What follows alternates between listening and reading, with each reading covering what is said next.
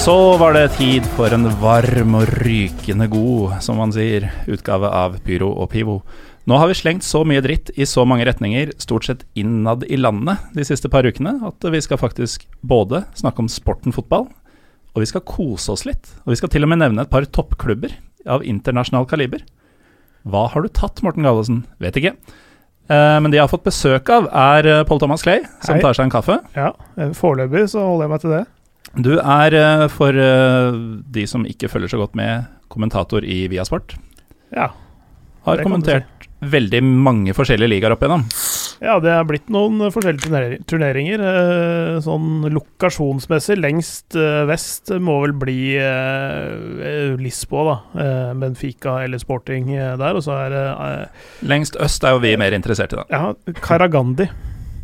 Um, Det Kasakhstan. ligger, ligger i Kasjokstan, ja. Det ligger litt lenger eh, øst enn eh, Astana. Så det var, du... det, var, det var Champions League-kvalik i 2013. Sjakter Karagandi mot Celtic. fikk ikke du eh, innblikk i noen sånne spesielle ritualer og greier som de hadde Det var vel eh, i Astana hvor de ofrer en geit, ja. Men eh, det fikk ikke jeg Jeg fikk ikke sett det sjøl, da. Men eh, Når ofrer de en geit? Det var dagen før match, mente jeg. Eh, som sagt. eh, hvor, de, hvor de drar en geit inn på banen og ja, Eller de gjør ikke det på banen, for det er kunstgress der. Eh, så det, blodet siger ikke så godt ned i matta på eh, gummigranulat. Men eh, din allsidighet skal jo komme godt med i dag, for vi skal jo innom både Italia, Spania, Frankrike, Nederland, eh, kanskje litt mer obskure ligaer. Og, og se litt på um, de historiene som vi syns skiller seg ut denne sesongen. Eh, og en annen allsidig fyr er jo en som besøkte alle Champions League-klubbene som har vært med denne sesongen i eh, høst. Jonas Giæver, velkommen. Jo, takk skal du ha. Takk skal du ha.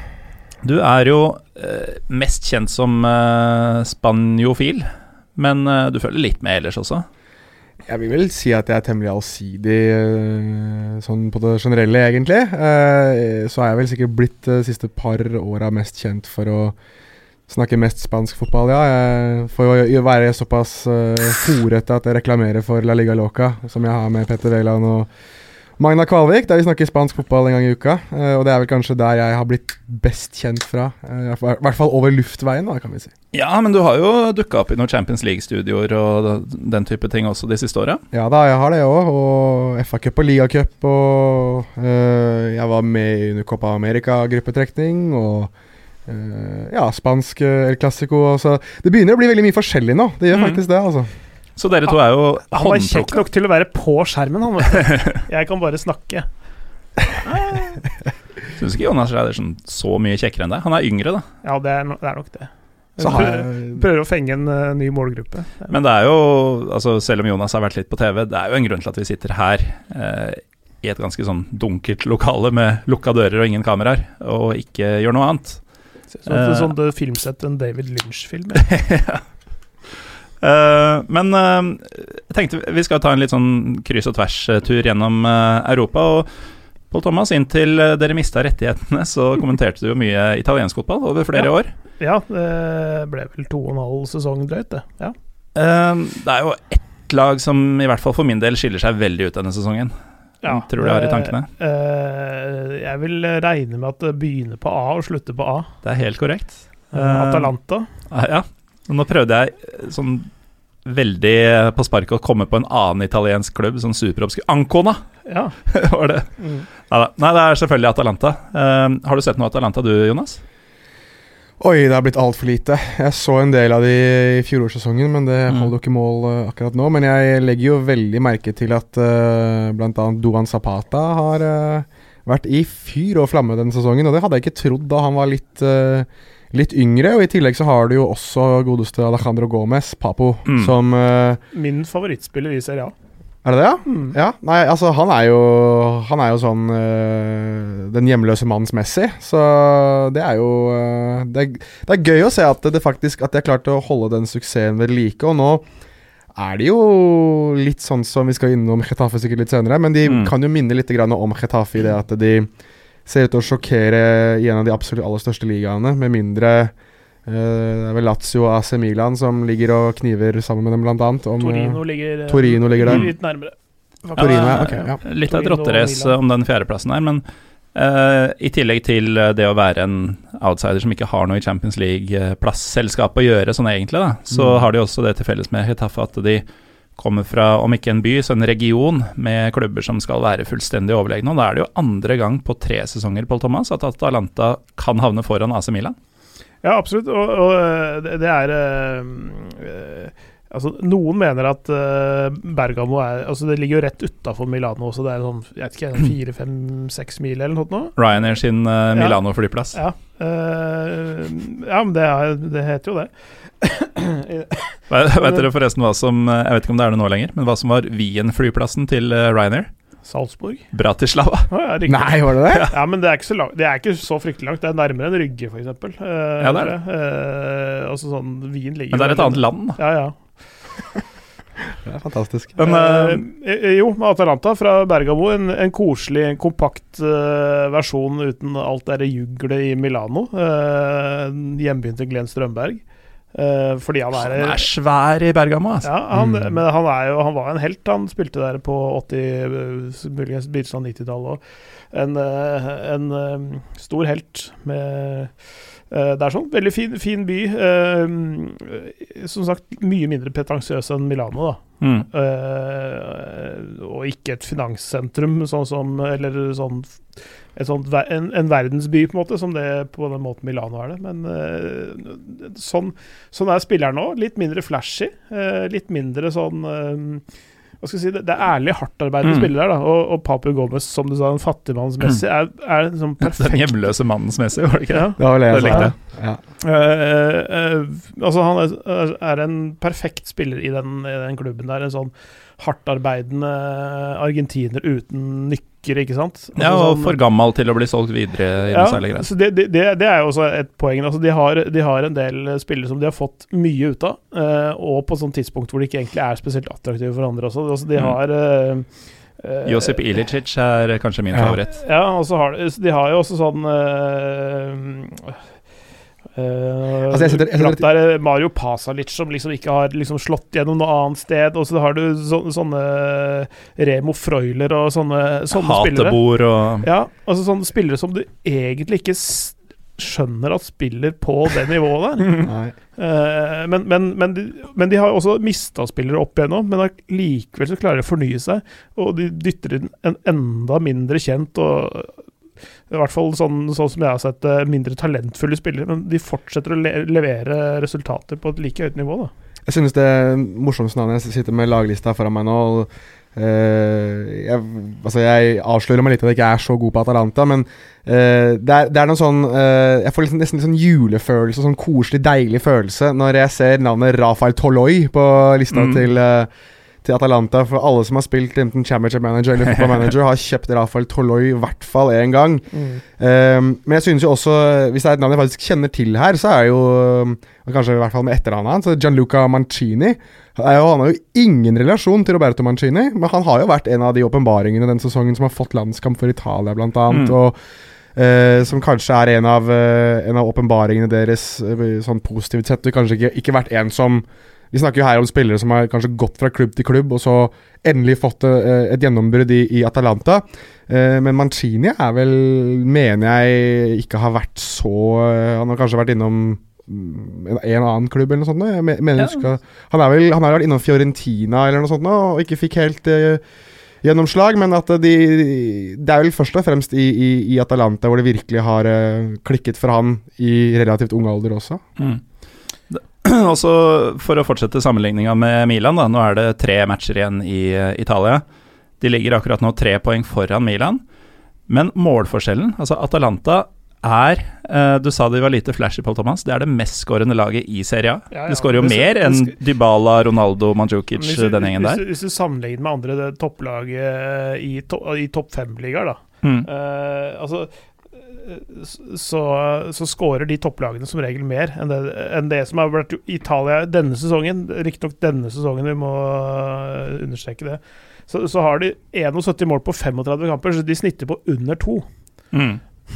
Eh, og, og det er det mestskårende laget. Det sier jo egentlig mer, Rett- rett om, de, to, mer om de uh, Nei, ja, rett over to, ja. Hmm. Uh, mer om de andre enn en noe annet. Det er for så vidt sant, men likevel, og det har kanskje litt med de 43 baklengsmåla også å gjøre Atalanta for meg har vært, bortsett fra et par andre lag vi skal komme innom seinere i, i episoden, den største garantien for underholdning.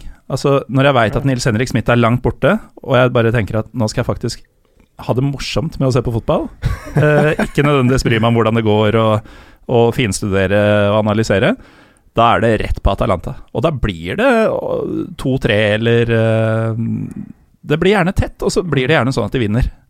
Og så blir det mye mål på slutten. Josip Ilicic kommer inn og setter hat trick på siste kvarteret i en 6-2-seier og sånn. De skårer Det, er sånne ketsjup-skårende lag, holdt jeg på å si. Det er så flere spillere, altså spesielt og Zapata. Der kom jo hele kartongen eh, etter nyttår, eller hva det var for noe. Altså han eh, han har jo, Hvis du ser på skåringsstatistikken fra tidligere år av tidligere klubber, det er jo ikke spesielt bra. Og, men denne sesongen så har han eh, altså Ronaldo bak seg i Serie A. Mm. Eh, og Ronaldo har hatt en god sesong, egentlig. Uh, du har Zapata på 22, så er det vel Kvaliarella på 25. Ja, vi, vi, vi må snakke litt om forskjellige spisser i uh, serien. Fordi, eh, som du sier, det, det blir jo ikke skåra så mye mål der, uh, egentlig. Denne sesongen, Bare- altså, sånn, tradisjonelt sett, så er snittet like bra, i, Mm. og, om ikke bedre, i Italia enn veldig mange andre topp fem-ligaer, faktisk. Men ikke så høyt i år. Og det jeg skulle si, var for øvrig at Atalanta med sine 71 skåringer, da uh, Sammenligna med Milan sine 49. Og du nevnte Quagliarella, Paul Thomas, vi skal komme inn på han, men på Milan så er det jo en eh, mann som kom fra ingen steder, eh, eh, Jonas. Er det, er det her du og jeg skal krangle litt om hvordan du uttaler navnet hans? Det kan godt være. Så jeg har jo da lært av uh, uh, noe, Av, noe, av hvem, Jonas? noe så obskurt som en Tinder-date, hvordan du skal uttale navnet på den polske spissen til uh, AC Milan. Og det er visst Krzysztof Piontek. Er det sånn du uttaler navnet hans? Krzysztof Pjontek. Ja, Ja, og der mister du meg, fordi Selv om det skrives Piatek. ja, ja. men det er visst Men det er en sånn ja, eh, Den lille krøllen ha- under ja, A. en hake under A-en som Ja. gjør det til en pjong-lyd, visstnok. Nei, men det, det gjør ikke det. Altså, polske lyttere får ha meg unnskyldt, men du kan ikke bare sette en liten krøll under en uh, vokal som uttales likt på absolutt alle språk i verden, Ja, og, og si at nei, dette er ikke en A, det er en o-n. Det er Ja. ikke greit. Ja, men La meg prøve en annen. en. Han, han eh, høyrekanten i Han spilte i Dortmund, spilte i Wolfsburg, er tilbake i Polen nå. Blasjikovskij. Hvordan uttaler du navnet hans? Bla, jeg, jeg uttaler det sånn som tyskerne gjør det. Blasjikovskij. Og du, Morten, uttaler det er Wasjikovskij, er sånn du uttaler det. Mm. Og det er jo rett og slett en L med en uh, strek gjennom. Ja, men det, Altså- det endrer bare Det blir en, det blir en, Det- det det- en V. og- Det er Ja, ikke som det Lots egentlig er Vots eller et eller Ja, sånt. Ja. ja, ja. Og, og det, det er helt greit. Men her skal du jo både endre vokalen som allerede er der, og slenge på en konsonant. Skriv Piontek, da, hvis han heter det. Han heter Piatek. Altså, uh, Og så tror jeg fornavnet uttales Pjotr. Du har lyst til at han skal hete Pjotr Pjatek? Men, men det, det hadde jo Hadde du ikke han derre Pjontek, han eh, spilleren fra tidlig 80-tallet? 70-80-tallet? Bonjek. Bonjek, ja, men, det- Men det skulle han sikkert uttales Banec eller noe Han danske landslagstreneren. Å ja. eh, jo, han het Pjontek. Ja. Sepp Pjontek. Ja, der skrev det Pjontek. Dette er Jonas for ung til å huske. Ja, ja. Men Ja, nei, her faller jeg unna. det er den danske dynamitten eh, med 86-VM og sånn. Men tilbake til eh, Kristoffer Piatek, eh, Jonas. Hva skjedde her, da? Eh, altså, jeg trodde da han hamra inn noen skåringer for Genoa tidlig på sesongen, at dette er noe som varer i fire uker, og så hører vi aldri fra han igjen. Ja, det var det jeg tror alle trodde. Eh, og hvis du sjekker eh, statistikken hans fra tiden i Krakovia, så Ikke overveldende. Nei, det er vel noe sånt som 36 skåringer på 91 kamper eller et eller annet. Nå er det veldig Det, er- det, det i hvert fall helt, ikke Helt ok, ikke noe spektakulært i det Mm. hele tatt. Nei, Ikke nok egentlig til, til å bli henta til en middels Serie A-klubb, tenker jeg. Nei, og, og jeg ville jo tro at uh, Genoa uh, tok en kalkulert risk der med å tenke at de kunne prøve å få han inn og så sette han i en mer nummer ni-posisjon og se får vi noe ut av ham. Og, og, og polakker har jo hatt en historikk med å kunne være suksessfulle i, i italiensk fotball, så, så det var vel sikkert eh, først og fremst eh, en, en speider eller en, en agent som ga dem et tips om å prøve han her, han kan være bra. Så husker man jo litt Robert Lewandowski-historien som eh, nesten signerte for var det Hødd i Ja, sin ja. tid. Og, og var, det var en askesky som stoppet ham fra å signere fra Blackburn og litt sånn forskjellig. Så det, så det var vel kanskje litt det at man tenkte kanskje, kanskje at man hadde eh, en diamant her. Og det har jo vist seg, vist seg å stemme veldig, veldig bra. Og det det som gjør at jeg, Hvis Papo Gomez er din favorittspiller, Paul Thomas, så er, er Pjontek min favorittspiller i Serie A. Og det, det handler litt om Uh, Hvis du ser han spille, så, så prøv å ikke følge med hvor ballen er. Følg heller med på, på bevegelsen til Pjontek, fordi han er uh, en av de absolutt beste boksspillerne jeg har sett siden Ruud van Nistelrooy. Han er så fantastisk god på å identifisere rommene i boksen. Hvor kan han enten finte løp, hvor kan han finne fordelen eh, Alt ettersom om ballen er ute bredt, altså ute på kanten, eller om ballen ligger på 20 meter. Han har en så sånn vanvittig evne til å time absolutt alt han gjør.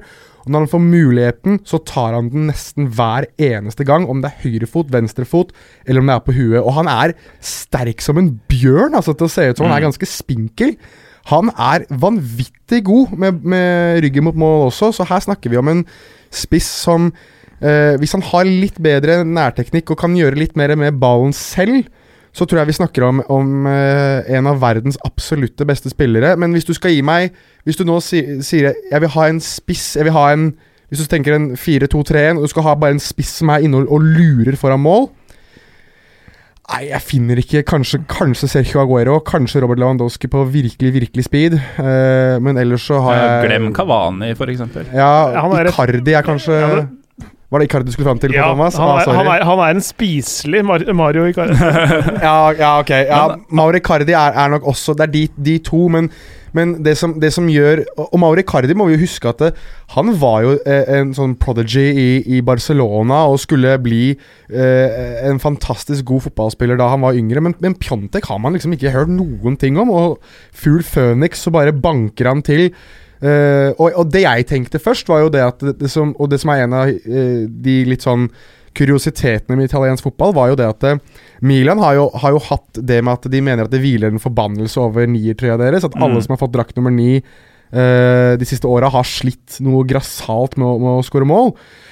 Og Derfor så ga de jo Pjontek 19, selv om han ville ha 9. Fordi de ville ikke at det skulle være nok en forbannelse som våket over ham, men de sa jo det at eh, Nei, du må gjøre deg fortjent til drakt nummer 9. Og når det var Gonzalo Higuain som hadde den drakta før ham, så er det liksom mye å gjøre seg fortjent til, mener jeg. Men, eh, men uansett uh, Det å gå fra Genoa, hvor du skal sparke nedenfra og opp, til Milan, som strengt tatt også skal sparke litt nedenfra og opp, men som har en, et forventningspress og en supporterskare som skal ha så mye igjen hele tiden, og så leve opp til det hver eneste gang.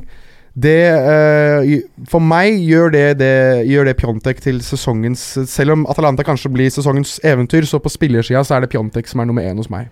Det, det, det, det som jeg er litt redd for hva gjelder uh, Pjontek, eh, er jo det at han eh, som, vi, som vi har nevnt, han kommer litt sånn ingensteds-fra i gåseøynene når han kommer fra Polen.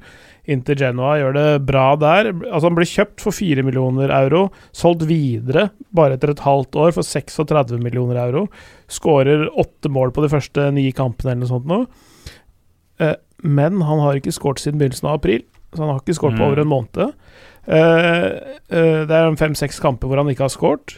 Og det, det er jeg litt, litt redd for, at han er en sånn, en sånn one season wonder. Altså, altså Jeg håper at alt det som Jonas sier, er helt riktig med altså alle de kvalitetene hans. bevares. Han er helt amazing, egentlig. Også litt sånn klassisk i boksen-spiss, som, som vi har mangla litt, egentlig, eh, mange steder. Men, men jeg er litt redd for at han er litt sånn noen, noen seiler liksom på en sånn medgangsbølge, eller sånn, en, en eller annen vind eller en sky, eller hva det heter for noe. Eh, når de først bryter gjennom på toppnivå, og så klarer de ikke å stabilisere seg der. At de Mm. faller litt i nivå igjen.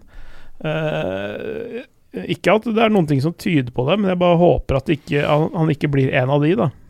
Ja, det, Fordi, fordi sånn som han er nå, så er han jo, har han jo Altså Folk syns jo Milan var gale som hadde betalte 36 millioner euro for den bare etter et halvt år. Eller halvt år etter at Genoa betalte 4 millioner euro for den. Og Genoa jubla og klappa for at de fikk eh, profit på 30-32 millioner euro. Men han har jo dobla prisen sin nesten, ikke sant. Mm. Han nesten, har nesten noen 70 millioner euro-spiller, sånn som han har figurert tidvis denne våren her. da. Problemet er at han kan jo ikke selges igjen. For han har jo spilt for to klubber i 2019, så de må jo vente til 2020 eventuelt hvis de skal selge Ja, ja. Tror ikke Milan har noe hastverk med å selge den heller. Nei, men det er jo litt eh, det Pål Thomas er inne på her nå. At hvis han ikke leverer overhodet uh, fra og med neste sesong, så er jo plutselig den summen Altså Det er jo ikke, det er kanskje ikke 36 uh, det han har vært heller lenger, fordi han har bare en halv en halv sesong, hel sesong å vise til i, i Serie A. Så Men, men, men det, som, det som er den potensielle opps, oppsiden her, da, det er det at han kan være tungen på vektskåla, Champions League eller ikke. ja, Og da har du fort tjent inn de pengene der. det er sant. For, Mm. Milan, for Milans del så, er, så blir det 36 millioner euro. Da er det nedbetalt med en gang. da. Hvis det er forskjellen på å være eller ikke være i Champions League for de. Apropos Milano, vi, vi nevnte jo Mauro Icardi. Eh, han ser jo i praksis ut til å ha mista plassen på laget, han Jonas. Uh, du syns ikke det er så kjipt, du? Nei, altså Jo, jeg synes det er kjipt fordi at uh, Mauri Cardi, potensialet som er i ham, og hvor god han er når han virkelig er god, er Og nå bruker jeg veldig mye superlativer her, men han er potensielt verdens beste spiss hvis han gidder, og hvis han vil, og hvis han har fokuset der det burde være, hvilket er å bli en bedre fotballspiller. Men problemet med Mauri Cardi i mange mange år, også denne sesongen, her, er det at han har et fokus utenfor banen som er helt malplassert. Han har Jeg la ut uh, på Twitter-kontoen min og altså, holdt på å si retweete litt om det han la ut selv på sin Instagram-konto. Altså, Nakenbilder med han og Wanda Nara, og det er så mye surr og piss og tull og faenskap fra en, en spiller som har et så ekstremt høyt potensial. Han har blitt gitt gull og grønne skoger i Inter. Han fikk noe som veldig mange, eller veldig, veldig få fotballspillere egentlig får. Det er en ny sjanse med supporterne etter å så å si mane til slåsskamp mellom Curva Nord og alle gangsterne hans i Argentina. altså, det er så mye tull med den typen der at eh, jeg håper for hans del, og for fotballens del egentlig, at han nå velger seg en klubb der han faktisk har fokuset på å spille fotball. Men spørsmålet er jo litt det som også er spørsmålet rundt en annen spiller som har et problem nå med uten, altså utenforstående personer rundt da, ut, utenfor banen. Eh, Adrian Rabiot, som, som heller slet og sliter med å uh, finne seg en ny klubb. Hvem er det som egentlig vil ta en sjanse på sånne bråkebøtter som disse to? Mm. Og da kan du være så god som du bare vil, men hvis du oppfører deg som en idiot utafor banen, så er det ingen som har lyst til å sjanse på deg til slutt, da. Og det er vel først og fremst den idiotien, Paul Thomas, som har uh, satt den ut av elveren, men samtidig Lautaro Martinez. Hvor overraska er du Mm. over eh, denne nykommerens uh, kjappe inntog i, uh, i elveren til Inter? Jeg så det allerede i uh, preseason, uh, når jeg så han første gangen. Jeg Ja. synes han Han er på en måte en, Han er litt annen type, da. Han er ikke like sterk i kroppen, f.eks., men han pokker så elegant han er. Mm. Og så så- så delikat touch, ballbehandling. Eh, det, det er det ikke så ofte du ser. Altså, noe som så myke og ikke så kantete bevegelser. Det er uh, i hvert fall, syns jeg uh, Sånn syns jeg det, det er sånn Det blir nesten sånn Hva skal ikke bli, bruke for store ord, men noen ganger så blir fotball poesi, da. Litt sånn Zidane gjorde i sin tid, som Johan Gourcuff gjorde i, i, sine beste, i, i sine beste stunder. Han ble liksom hausa opp som den nye Zidane. Han ble skada, klarte ikke å leve opp til forventningene og sånt. Men altså sånn, sånne typer spillere syns jeg er så deilig å se på. Ikke sånne kantete spillere som jeg sjøl var. Så er det litt herlig at uh, Icardi, da, som uh, Inter i stor grad har prøvd å bygge laget rundt de siste årene, når han fucker det helt opp, så kan det faktisk komme en annen fyr inn fra eh, nesten vil si ingen steder, og gjøre at ingen egentlig savner den noe særlig. Eh, en som kommer til å savnes når han én gang legger opp, sannsynligvis innen de neste ti årene, er jo uh, kanskje årets mann i uh, Serie A, selv om det er mye straffer. Fabio Quagliarella. Han er jo allerede 35, så jeg, jeg vil jo tippe at han innen ti år at han, han er et annet sted enn på banen. Ja. Ville man ikke tippa for ti år siden at han var passé? Det, det hadde noe med jeg holdt på å si postmannen i, i Napoli å gjøre. Eller han, han var vel ansatt i postverket, han stalkeren hans eh, der nede, tror jeg. Mm. Uh, en, en, en long read fra vel Bleacher Report, som har en veldig fin på den, den historien om hvorfor det skar seg for Collarella der nede. Uh, har skåret noen fantastiske mål i denne sesongen òg. Sånne hælspark eh, Vært mye av det. Sånn volley-hælspark i krysset. Jeg gjorde Altså- et par sånne på et par uker. Da. Ja. Eh, altså, altså, han er en sånn type som alle unner suksess, tror jeg. Mm. Til og med Eh, napolitanerne. Ja, ja, ja, spesielt der, da. Fordi, fordi de, de lurte på hvorfor det skar seg så veldig med ham, for han var jo en talentfull spiller i sin tid, ikke sant? Mm. Og så, og så choka han jo helt der nede, men det har jo, har jo sin grunn. og Han kunne jo ikke si hvorfor når han var der, så han måtte jo dra før han fikk si hva som var grunnen. Eh, og når det kom, fram, eller kom for en dag, hva som var grunnen til at han eh, hadde det vanskelig en del år, eh, så, så har folk fått en voldsom sympati for ham. Alle, det er sånn, som sagt, alle ønsker han alt godt. Mm. Han er jo da per nå toppskårer i Serie A Ja. som 35-åring. Ganske nydelig. Det er, det er kult, ass. Han følger jo en litt sånn tradisjon da med Antonio Di Natale og eh, Alessandro Batri og Luca Toni Luca Toni. Jeg husker jo uh, Dere nevnte jo en gammel uh, polsk trener her. Kan jeg nevne en gammel østerriksk spiss som jeg husker fra da jeg var liten? Dario Dario Hübner. Hubner. Bøffelen som satt og røyka på benken og sånn. Han eh, var jo også ganske gammel da han ble toppscorer Mm. i Var det Perugia han spilte Og? Igor Protti var vel også litt oppi åra da han plutselig ble toppscorer for Brescia eller Bari eller noe sånt eh, på 90-tallet. Roberto Baggio var også eldgammel da han holdt på i Brescia. Han eh, også skårte vel ganske mange mål en sesong, han òg, om jeg ikke husker helt feil. Vet du hva, Jonas? Nå skal vi forlate Italia. Skal vi det? Jeg kan, kan bare si Nå skal vi snart forlate Italia. ja, bare kort, kort si at eh, jeg har lansert Icardi som eh, ny Atletico Madrid-spiss. Bytte ut Diego Costa, hive inn Icardi, for Icardi og Grismann på topp. Smooth overgang til det vi skulle til nå, Jonas. Ja. Ditt eh, kjære F-Bania. Uten lesping, Ja, det er på- ikke så mye lesping på s-er i Spania, nei. Nei. Uansett, eh, hva tror du om uh, Icardi i Atletico? Jeg tror ikke det passer. Uh, fordi eh, han, eh, han løper ikke nok, og han eh, sliter ikke nok, og er ikke en type spiller som jeg tror Diego Simione ønsker. Jeg tror han har um, funnet uh, Diego Costa-erstatteren sin allerede jeg, i, i Alvaro Morata. Jeg tror han uh, blir værende i, i Spania, blir værende i Atletico Madrid. De har jo en en kjøpsopsjon vel i avtalen med, med Chelsea, og han har vært uh, overraskende god, faktisk, i, eh, i, på Wanda Metropolitano etter den overgangen. Så tipper det blir han, jeg. Men uh, for å linke uh, Simione, Italia og Spania sammen, så kan jeg jo ta med en spiller som har imponert veldig i Fiorentina. Det er jo Giovanni Simione, sønnen til Diego Simione. Og delte meninger om hvor imponerende han har vært, Pål Thomas? Eh, Denne hatt sesongen i hvert fall. Ja, denne sesongen har vært blanda drops. Ja, i hvert fall. Jeg, jeg synes han er imponerende. Og, men, men, og det er jo en spiller som Simione selv har sagt at ja, Mm. han er helt perfekt, men jeg kan ikke kjøpe han. Fordi det er sønnen min, og jeg kan ikke ha sønnen min på laget. Så det er eh, eh, jeg, jeg lurer Veldig lite bosnisk av uh, Simione. Ja, nei, det, det skjer ikke, det. Det, det er veldig lite romsdalsk over det. Uh, eh, Jim Solbakken Ja, men nå skal vi prøve å være game for en gangs skyld. Uh, men uh, ja, kan denne heltene Nilsen-far og sånn, da, istedenfor. Ja. men hvis um. Hvis Icardi skulle komme i likevel og faktisk blitt suksess, Ja, kunne de da endra navnet på stadion fra Vandra Metropolitano til, til Wanda Icardi? Har du noe annet å snakke om? Ja, vi kan snakke om uh, Getafe, som du nevnte tidligere. Det var riktig uttalelse. Um, Spanias Atalanta, om du vil.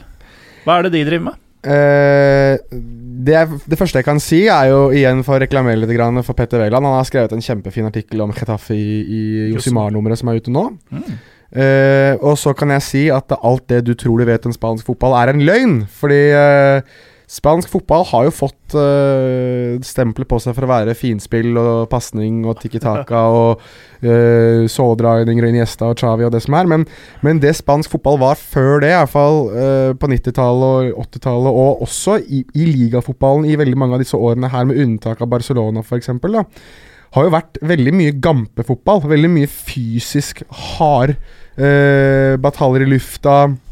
Eh, store kjøttspisser og veldig mye sånn Det man kanskje forbinder med Stoke og West Brom og sånne klubber i England. Det har vært eh, veldig mye av det Spania har vært. Og Getafe har jo eh, på sett og vis eh, kuttet fotballens gordiske knute i det at de rett og slett spiller langt. De velger å spille opp på to eh, store, sterke spisser i Jaime Mata og Jorge Molina. Den ene er 37, den andre blir 31. Eh, de har et forsvar som er bunnsolid, med kjeltringer som Damian Suárez og bråkebøtter som Jened Dakonam f.eks. Uh, de har valgt å hente spillere på lån eller gratis og satt det inn i et system der de rett og slett skal gjøre mest mulig for å få ballen ut på kant, slå innlegg som Molina og Mata kan uh, ruve i lufta på, og, og, egentlig spille fotballen på den mest simplistiske og mest uh, uh, direkte måten som de kan i Spania. Mm. Og det har båret frukter, og, og de har fått en uh, vanvittig tro på seg selv, en vanvittig tro på sin egen spillestil. Og med José Bordalas som trener, så uh, har de blitt et lag som, som er blitt fryktet i Spania. Um, Men er det sånn at uh, siden de spiller den fotballen de gjør, ja.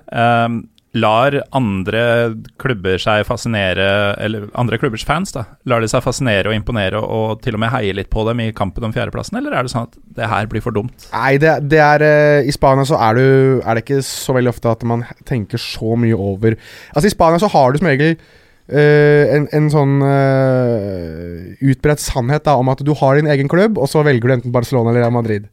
Og sånn er det egentlig. Eh, det er jo noe som veldig mange har blitt kritisert for, og grunnen til hvorfor bl.a. Real Sociedad i sin tid hadde en sånn kampanje som het no, Yo no tengo segundo equipo, jeg har ikke et lag til. Eh, men eh, det, det, har vært, vært, mye diskusjoner rundt spillestilen til Bordalas, rundt spillestilen til Getafe, om den er proaktiv for spansk fotball. Og det er jo flere trenere som selvfølgelig har vært kritiske til måten de spiller fotball på, og at det er mye gule kort innimellom. Det er uh, uh, mye stygt spill, da, i, i, ordets rette forstand. Nå sier jeg det litt i hermetegn. Uh, de er røffe og tøffe, og de er skumle og harde å spille mot. Og, så det har vært mer diskusjon, mer enn hvorvidt det er kult eller moro at Chetaffe ligger der oppe og dunker. Det er jo stor diskusjon også på sosiale medier om det er positivt for spansk fotball at de nå i skrivende stund ligger an til å ta Champions League-plassen foran både Valencia og Sevilla. Pål Thomas?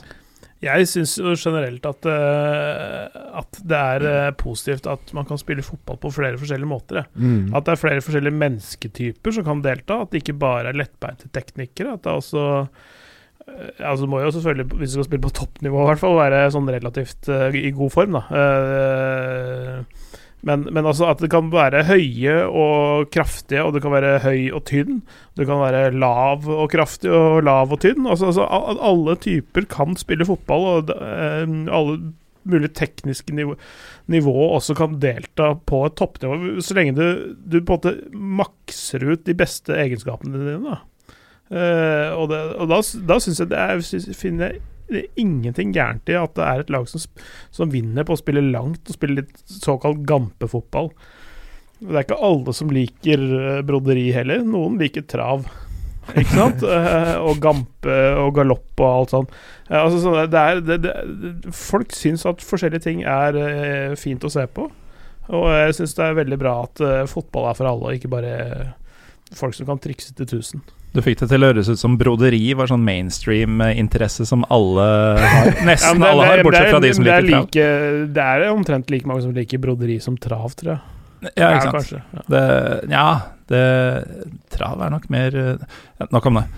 Uh, Getafe ligger da tre poeng foran Sevilla og Valencia med to kamper igjen uh, i kampen om fjerdeplassen. det er Madrid-lag, ikke, ikke, sant? Uh, ja, ja, det er Madrid-lag. Skulle de klare det, så er det da tre av fire Champions League-lag fra Spania som er fra Madrid. Mm. Hvordan ser resten av landet på akkurat det? Igjen, det er ikke noe som blir diskutert sånn, sånn veldig uh, mye, men, men, selvfølgelig for mangfoldet så synes jeg Jeg synes personlig det er trist at man ser ut til ikke få et lag fra Andalusia, altså fra sør i Spania. Andalusia er jo der Sevilla og Real Betis er fra. Mm. Uh, to klubber som uh, både i eldre historie og nyere historie har en ekstremt viktig posisjon i, i spansk fotball, og også i spansk kultur, egentlig. Uh, Veldig mange nordmenn har sikkert vært i Malaga og vært uh, i de områdene og, og, og, har fått inn en del av spansk kultur gjennom Andalusia. Så, så jeg synes det er trist at de Uh, ikke er med. Også hvis Valencia da ikke skulle kvalifisere seg gjennom verken La Liga eller Europa League hvis de, Du får åpenbart en Champions League-plass hvis du vinner Europa League. Uh, så får, mister du også Valencia-regionen. Uh, den er jo selvfølgelig ikke like stor, men har en veldig veldig viktig posisjon i spansk fotball, den også. Mm. Og det er mange som mener at ved å miste de to lagene, Sevilla og Valencia, som har en såpass viktig posisjon i spansk fotball, en såpass rik historikk, eh, penger, eh, interesse, til eh, Kall det da, med all, med all respekt til klubben, en liten drittklubb som Chetaffe. For det er det, det er det, de har vært i veldig mange år. Ja. Ehm, så, så, gjør det noe med, med, nivået i spansk fotball, med at, med at man uh, på en måte har nådd et lite bunnivå liga, i ligasystemet. Ved at en sånn klubb kan gå opp og profitere på det at uh, Atletic Club, uh, Real Sociedad Uh, Sevilla, Valencia altså Alle de har hatt et uår. Mm. Uh, personlig syns jeg det er ekstremt gøy at det er en uh, klubb som faktisk profitterer på det. At man ikke kan gå seg inn til en fjerdeplass selv om du har hatt et drittår. samtidig som jeg tror at det også er et varsko til de klubbene som kommer under, om at de må heve nivået sitt til neste sesong. Så for spansk fotball sin del så tror jeg det er kun positivt at lag som Retafe gjør det bra. Og, og, bare for å ha sagt det også, at det er ikke, det en, det er ikke den eneste klubben som har hatt en imponerende sesong. Altså Alaves også har vært fantastisk gode tidvis. De, de, var vel involvert i den kampen ja. til ja, en måned eller to siden? Kanskje? Ja, ja, ja. De hadde jo en litt dårlig resultatrekke, og så har det, vært, har det ulmet litt grann, fordi treneren deres, uh, Abelardo Uh, som har uh, vel spilt både Stopperen fra 90-tallet? Ja, som vel har spilt både Atletico Madrid og Barcelona. Uh, han øh, ikke blande veldig her nå, i hvert fall har vært i Barcelona. Uh, han uh, har jo allerede sagt at han kommer til å forlate klubben ved sesongslutt. Han føler at han ikke kan ta de noe lengre enn en, uh, en mulig, eller, og, og, kommer nok til å mest sannsynlig trene en større klubb til neste sesong. Det kan jo fort bli Real Betis. De har jo mm. all, allerede begynt å er Kiki på vei? Kiki igjen er jo uh, på vei vekk fra Betis, ser det ut til. Kiki igjen er jo Til Barcelona, eller ut med Valverde? Uh, det er jo spørsmålet, da. Det hadde vært uh, fantastisk gøy. Kiki igjen er jo kanskje den treneren i Spania som spiller mest barcelonsk fotball, hvis vi kan kalle det for det. Mest den der tikki taka, kule fotballen som er. Men han har jo fått mye kritikk for at det er mye ball, lite mål. Og Betis har jo ikke hatt noen spiss. Det er jo min store Kall det verkebyll hver eneste episode av La Liga Loca. At jeg sitter og hyler og skriker om at nå må de sette i helvete få inn en spiss. Mm. Uh, det har de jo ikke klart. Um, og, og, jeg tror Betis-fansen har, har, gått ganske lei av Kikkiset igjen. Det har vært mye buing på ham uh, etter kamper, uh, som er, er, ganske trist, fordi de spiller en fotball som er helt Nei, den er blendende å se på tidvis. Det er en, en, en unik fotball å se på. I, i, også i spansk sammenheng, sånn som Barcelona har blitt nå under Valverde, hvor de er mer pragmatiske. Uh, og de også har vel hatt en negativ utvikling gjennom sesongen. Var ikke de også mye høyere oppe på tabellen for noen måneder tilbake? Jo da, Betis også lå veldig, veldig godt an, uh, og, og, hadde en en god progresjon i, uh, i sesongen sin tidvis. Altså de, de, tok jo seg videre fra Europa League-gruppa si, som hadde både Milan og Olympiakos uh, i seg. Altså Kanskje Olympiakos har hatt bedre dager, og det har nok Milan også hatt, men at de imponerte såpass, det, det, det imponerte meg i hvert fall. Og så møtte, mm. møtte, de jo Renn, vel, i Europa League, og, og der krasja de ut. Så, og det var litt forventa. Uh, I tillegg så er jo også de kanskje det laget som er mest skuffa over at de ikke har tatt seg til Copa del Rey-finalen, altså den spanske cupfinalen, for den skal spilles på eh, Benito Villamarin, deres hjemmebane. Eh, så det er jo mange som mener at hvis du ser på sesongene til Valencia og Betis, så krysser de, krysser de hverandre på, på, en sånn formkurve, fordi at Valencia startet veldig, veldig dårlig, ser ut til å avslutte den veldig, veldig bra, mens Betis startet veldig, veldig bra, og ser ut til å avslutte den veldig, veldig dårlig. Mm. Vi har fått et par um, innspill fra lytterne angående Spania, og siden du nevner å krasje ut av Europa mm. Alexander Gjerdevik, uh, meget god bergenser, han uh, omtaler uh, Slavia Prahas seier over Sevilla som sesongens prestasjon. Virker som han snakker om i fotball generelt hele sesongen. Jeg vet ikke om jeg er enig i det, men var ikke det en ganske, selv om du kanskje skulle ønske det gikk annerledes, Jonas, var ikke det en ganske fantastisk match? Jeg syns det er fantastisk. Jeg, jeg syns det alltid er gøy når underdogger vinner, uansett hvor de er fra. Jeg driter i hvilken eh, liga jeg, jeg blir koblet mest opp mot. Jeg syns det er eh, fantastisk gøy hver eneste gang noe slikt skjer. Og, jeg, og at Slavia Praha gikk videre på bekostning av, av uh, Sevilla, det, det, er et lite fotballeventyr. Men, men det, det, er jo tilfeldighetenes spill. Fordi eh, det siste målet til Slavia Praha, som sender de videre det kom jo som et resultat Altså, det målet blir jo gjeldende pga. den ene skåringen som kommer i førsteoppgjøret på eh, eh, Ramón Sánchez Pijuan, hjemmebanen til, til Sevilla. Jeg husker ikke engang hva karen heter for noe, men en corner bokstavelig talt treffer han i huet. Han vet ikke selv at, det- hvor ballen er på vei. Han står jo og ser hvor er det ballen blir av, og når han endelig snur seg, så ser han at den daler over uh, Vatslik i Sevilla-målet. Høres ut som Milan Skoda.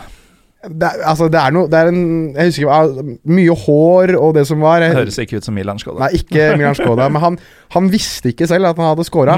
Men det målet blir jo da uh, utslagsgivende. Og Nei, jeg Du har jo Du unner jo eller gi oss flere timer med Europaliga-stoff hver eneste sesong, Morten. Og eh, spillere som han da gir deg jo vann på mølla til å fortsette med det. For han er jo At jeg ikke engang husker navnet hans, det sier jo, sier jo sitt om at det, det er Europaligaen er eh, et eventyr, og, og jeg synes det er fantastisk gøy. Ja. Og så altså er det gøy at ikke Sevilla vinner gang etter gang etter gang, for da Ja. blir jo liksom det, det blir en kjedelig turnering til slutt. Mm. Eh, Pål Thomas, jeg vet ikke om du så akkurat den matchen, men, ikke, eh, men jeg så den skåringa i sånn oppsummeringsshow. Det, var og, sånn der- og sikkert det, det, reaksjonene. ja, det, det er så kult å, det er kult å ikke vite at du er matchvinner. Det er nesten på nivå med Christoph Kramer, som ikke veit at han har spilt en VM-finale. ja.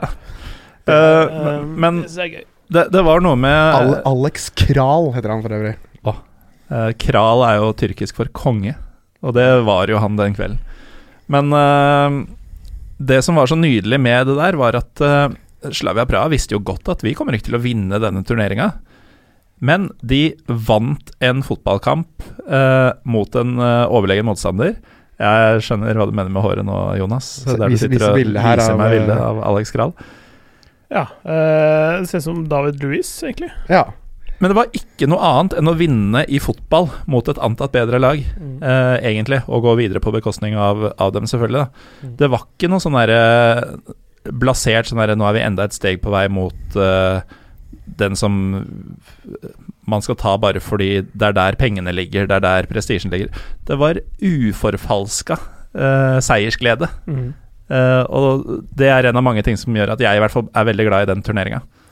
Ja, det, det, Og, og rar fotball. Ja, eh, ja men, men altså, det handler jo uh, handler om ekte idrettsglede. Når, det, når det ikke er så store pengesummer på spill. Det er ikke uh, Det er ikke sånn at du blir bekymra for liksom børskursen til klubben din når, når det ryker ut av en turnering eller liksom har en dårlig sesong. Fordi, fordi de er ikke notert på børsen. De er ikke et aksjeselskap. De, Altså, øh, greit de skal De er en bedrift som selger litt skjerf og pølser og, og litt sånn inngang til stadion og sånn, men de er, er ikke store underholdningskonsern, da.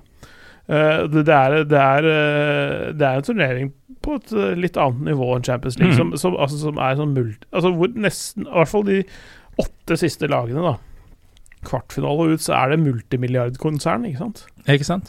Og det kan man unngå Det- i det- Europaligaen fortsatt. Og det er ikke Slavia Praha. Det er ikke et multimilliardkonsern. Nei, det er jo bare å, å ta med altså, du, du nevnte innledningsvis her at jeg var jo rundt omkring i, i Champions, på Champions League-klubbene med, med, med Viasport eh, før sesongen. Og, og en av de klubbene vi besøkte da, var jo Victoria Pilsen, som, som også er fra Tsjekkia. Og eh, altså, når du kommer dit, så er det, det er en Altså, det er resepsjon, klubbresepsjon, og det er eget klubbhus, holdt jeg på å si, borti hjørnet, og det er en liten klubbshop, og det er en pub uh, som er laget på ene sida av stadion. og uh, Du kan liksom Hvis du står på tæra, så kan du se inn på tribunen. Altså det, det er liksom Det, er noe eh, det er, det er noe kjærlig ved det, holdt jeg på å si. Da. Du, du mm. føler at du er nærmere den ekte fotballen når du er på sånne steder som det, kontra uh, f.eks.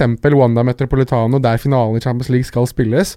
Som jeg personlig, med all respekt til Atletico Madrid-supportere, og egentlig folk som er veldig glad i, i topp, topp, fotball det er en svær kloss som står på en høyde. Ja, det er et kjøpesenter. Du får, du får litt sånn kjøpesenter-feeling av det. Ja, altså jeg, jeg det, Glatt.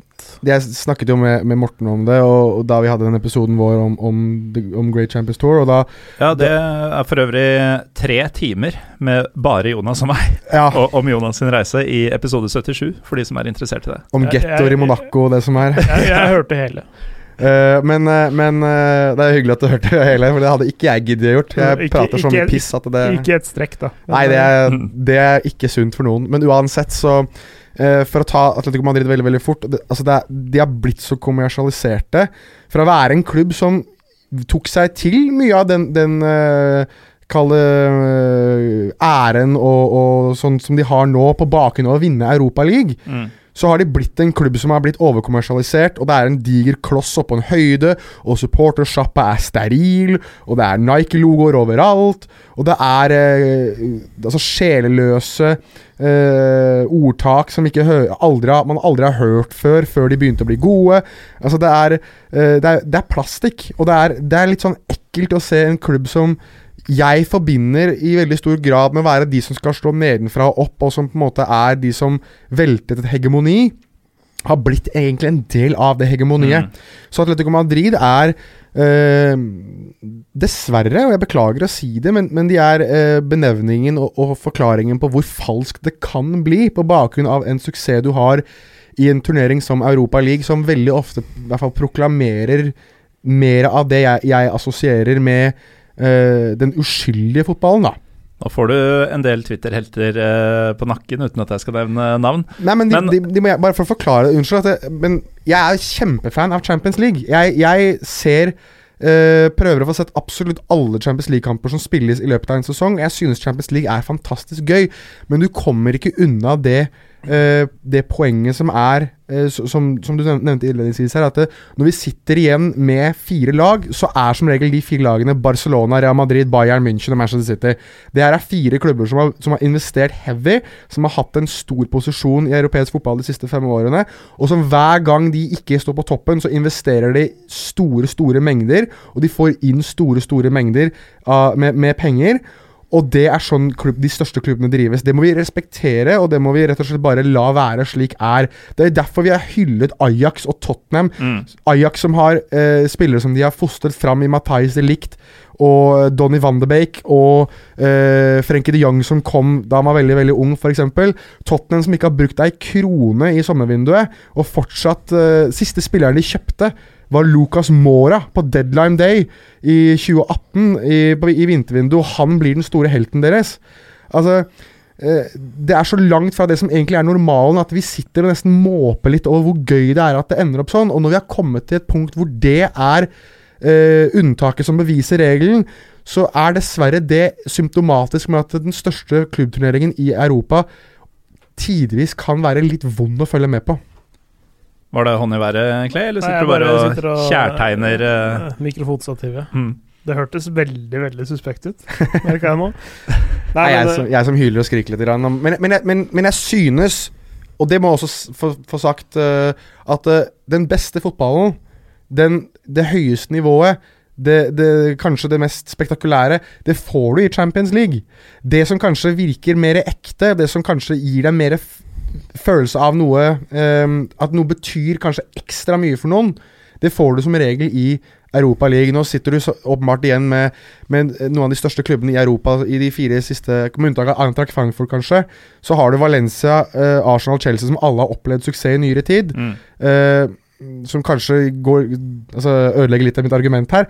Men, men det er uansett en, et prov på at uh, du i hvert fall har muligheten fordi de eventyrhistoriene Jeg husker for eksempel når Zenit St. Petersburg ut av det blå var plutselig med og lå, lå i toppen av uh, i, i, i Europaligaen. Ja, CSKA Moskva har vunnet CSKA, og Sjaktar Donetsk var, hadde et år da de gikk helt til topps, ikke sant? mm. Dette er ting som jeg, jeg tror du veldig sjelden ser i, i Champions League. Og jeg, Det er derfor vi husker årganger som Monaco, eksempel, med, dem, med sier jeg, med Bakayoko, Mbappé, Bernardo Silva, Mendy osv. Og, så og vi kommer til å huske Van de Beek, Siers, de Jong, de Ligt i årene som kommer. Fordi at de var det unntaket som beviste dessverre det som har blitt en regel. Jeg hadde egentlig tenkt å um, ta Nederland litt seinere, men nå er vi så godt i gang. Uh, Pål Thomas, dette Ja. Ajax-laget, where to fucking begin?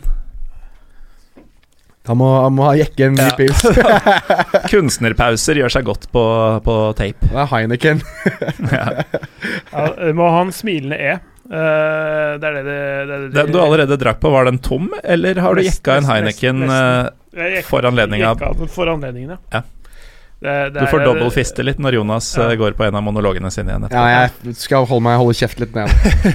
Ja, hvor skal man begynne? Uh, altså, vi, vi kan jo begynne der uh, det som uh, har vært en del av uh, hva skal si, omtalen av Ajax i Norge. Dette er jo et lag Rosenborg slo for uh, to år siden. Der var jeg. Eller eh, halvannet år siden. Og så er det bare sånn ah. Uh, de spilte Europaligafinale noen måneder før. Uh, og de spiller, eh, spilte Champions League-semifinale i går. De Mm. var, de var eh, unnskyld uttrykket, et kusår unna å gå til finalen nå. Eh, Ja, det Eh, det, det, altså, altså det, klokka er, Jeg- jeg klokka er si at- fe- fe- fem minutter og ett sekund på overtid når ballen fra Lucas Mora ruller over streken. Jeg vil nesten gå så langt som til å si ehm, Og jeg kan forklare dette hvis dere syns det er helt idiotisk etterpå. uh, men hvis Ajax hadde hatt Frode Kippe på benken, satt inn han etter 92 minutter, så hadde de vært i finalen. Og så ble det helt stille her noen sekunder. Eh, Jo, men altså, det som mangla, var en fyr som bare røsker tak i folk og sparker den ballen til helvete vekk. Ja. Jeg syns skåringene til, Ja. eh, til Tottenham i stor grad bar preg av usikkerhet og det, det, nonsjalanse, egentlig, Mm. defensivt. altså, det, det, som eh, Hvis noen hadde spurt meg da i forkant av kampen, og noen gjør jo det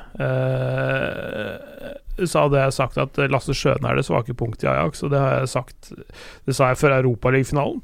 Han har riktignok eh, ikke vært så ille de siste to sesongene i hjemlig serie, men på det absolutt høyeste nivået, når liksom ting skal avgjøres, så er han ikke kjapp nok.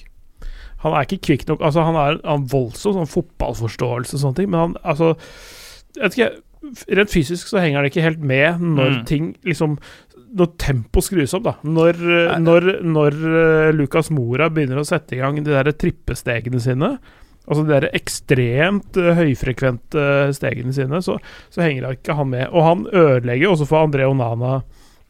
eh, På det andre målet. på, på Mm. 2-2-målet, hvor, hvor Onana egentlig har kontroll på situasjonen. Det er Lasse Skjøne som kløner det til, fordi, fordi ting skjer litt for fort rundt ham. Du så også Europaligafinalen mot Manchester United. I, i, det, var, det var ofte der det starta, når, når United vant ballen eh, rundt, rundt Lasse Skjøne. I, altså enten tok ballen fra han, eller at han Mm. var en del av situasjonen hvor United overtok, og det liksom gønna på. Og det, det er eh, altså sånn Det er, så- så Lasse si- Skjønne er litt sånn Han er jo en litt flashy spiller. Han har jo øh, pasningsfot og skuddfot og sånn, men der f.eks. David Silva, da, som man nesten kunne sammenligne med sånn sett, en fyr som liker å ha ballen og så finne en løsning, Mm. der uh, David Silva ser ut til å ha fryktelig god tid. øh, så har han faktisk det. Ja. Lasse Skjøne tenker at jeg har like god tid som David Silva. Det har jeg ikke. Nei, men altså, for, han er, for han er ikke like godt orientert. Sant? Og det, det er liksom orienteringsevnen som på en måte er eh, kanskje Altså Han er i utgangspunktet en wing også. Det er ikke før de siste to-tre sesongene han har egentlig har gått ned i midtbanetreeren. Mm. Eh, På grunn av eh, tempo har- ja, ja, ikke sant. Han har ikke, han har ikke farta til å passere spillere. Og det, og det er jo det er en annen Det er en ting ved Ajax, ved, ved at de analyserer enkeltspilleres ferdigheter, he, altså hele ferdighetsspekteret. Og så, og, så, og så jobber de veldig med analyse, og hva, hva kan de gjøre bedre, hva kan de gjøre dårligere. Hvis du ikke klarer dette, hva kan vi, hva kan vi bruke deg til ellers? Liksom, altså sånn, Mm. Altså makse potensialet av de spillerne de har. Og da er det funnet ut at han, når han ikke funker som wing lenger, så må du finne en, enten selge han eller finne en annen rolle til han. Kan vi bruke han til noe annet som liksom gjør laget bedre? Og det, og det har funka veldig godt i en, som en av tre på midten.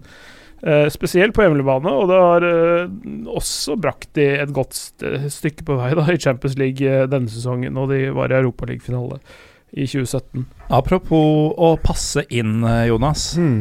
Du ser jo en del Premier League, har i hvert fall gjort i mange år. Jeg gjør det fortsatt, ja. Det å kunne hente en man skulle tro aldrende Dusan Tadic og sette den opp som midtspiss, Mm. Og så har du plutselig en av årets beste spillere i europeisk fotball. Mm. Hvor sjokkerende er det for deg? Det vitner vel kanskje heller om at Dusan Tadic har vært veldig undervurdert, da. Uh, og jeg tror at uh, Tadic er en spiller som uh, nyter best av det å ha, ha litt kjærlighet, for å si det sånn. Altså, Mm. når, når han kjenner at man tror på han, når man kjenner at han det, Nå skal du få lov til å, å vise dine eh, egenskaper, så tror jeg Tadic er en sånn type som Litt sånn som Dimitar Berbatov i sin tid. At det, da, da får du det absolutt det beste ut av ham. Mm. Eh, Ganske fin sammenligning, egentlig. ja, litt jeg, jeg, synes, jeg ser en del Berbatov i Tadic som type. Uh, åpenbart spillestilen deres er ganske forskjellig. For da Tadic er noe kjappere i beina enn det Berbatov uh, er. I hvert fall når det kommer til å løpe lange strekninger. Jeg Men like tror, tror, tror kroppsmassen er omtrent lik, bortsett fra at Berbatov er ganske mye høyere. Hvis du komprim Ja. komprimerer uh, Berbatov ned til høyden til Dusan Tadic, er det Ja, jeg tror det er Veier det samme. Ja. Sånn kubikkcentimeter er omtrent like store. Liter. Ja, det er mulig, det. Nei, jeg eh, jeg, jeg eh, synes at Tadic har vært fantastisk god å se på i, i, i Champions League. Vært, vært uh, nydelig, nydelig. Men, men han, han komplementerer det laget der så perfekt med at de har David Neres, som er uh, kommer til å spille i en større klubb snart. Hakim Siers på andre siden, som kommer til å spille en større klubb snart. Som eh, ganske marokkansk, hvor glad er du i Hakim Siers? Å, jeg er så glad i han. Han og Nusair Masraoui, de to eh, er eh, Ja, det er, det er, det er eller Afrikamesterskap nå til sommeren, og eh, Ja, jeg, jeg kjenner jo da at det, det rykker litt ekstra i, eh, i marokkaneren i meg. At jeg tror det kan eh, det kan, de, de to kan ta de til, til gull, men det får være en annen, eh, en annen podkast, Morten. Men, men jeg synes uansett Det blir Ja, det. Eh, slo meg nå. Det gjorde jeg. ja. Du har, du har, en, Har aldri- du har en fyr som har starta en tråd om Afrikamesterskapet for flere måneder siden også. En som har lagd mange tråder om Afrikamesterskapet opp gjennom, tror jeg. ja. ja. Uh, men, men om, om Ajax, da. Uh, for de som uh, ikke har fulgt med de, de siste, siste åra, men bare de siste to månedene, eh, så kan det jo sies at uh, Dusan Tadic ikke var tenkt som spiss på overhodet når han ble kjøpt til Ajax. Det er vel Fordi- fordi de to andre ikke har fungert særlig godt. Ja, det er nettopp det. Eh, og, og den, altså det, det har mye Dette her er flere elementer i dette her, men, men også det at eh, Erik Den Haag er en, en veld, mye mer pragmatisk trener enn en noen av de tidligere Ajax-trenerne, eller i hvert fall de, de siste åra, da. De, Frank de Boer, Peter Boss, Marcel Kaiser. De, eh, altså de hadde hver sine sider, eh, positive og negative. Eh, men Ten Hag var en mye mer prag er en mye mer pragmatisk trener. I, I Utrecht så spilte han en 4-4-2-variant. Diamant på midten. Eh, Fordi var det det spillerstallen eh, var god for. Altså, han hadde de spillertypene til å gjøre det. Mye, mye mer smartere, analytisk, ikke så dogmatisk som trener som Mm. eh, Altså så seg blind på den, den såkalte Ajax-filosofien.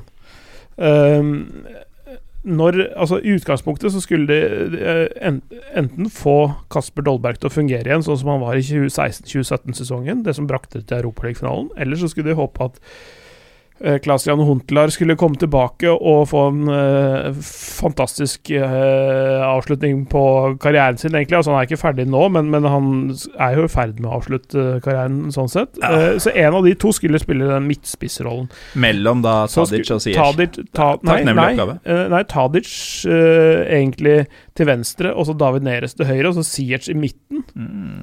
Og eh, sammen med van de Beek og Frenkie de Jong.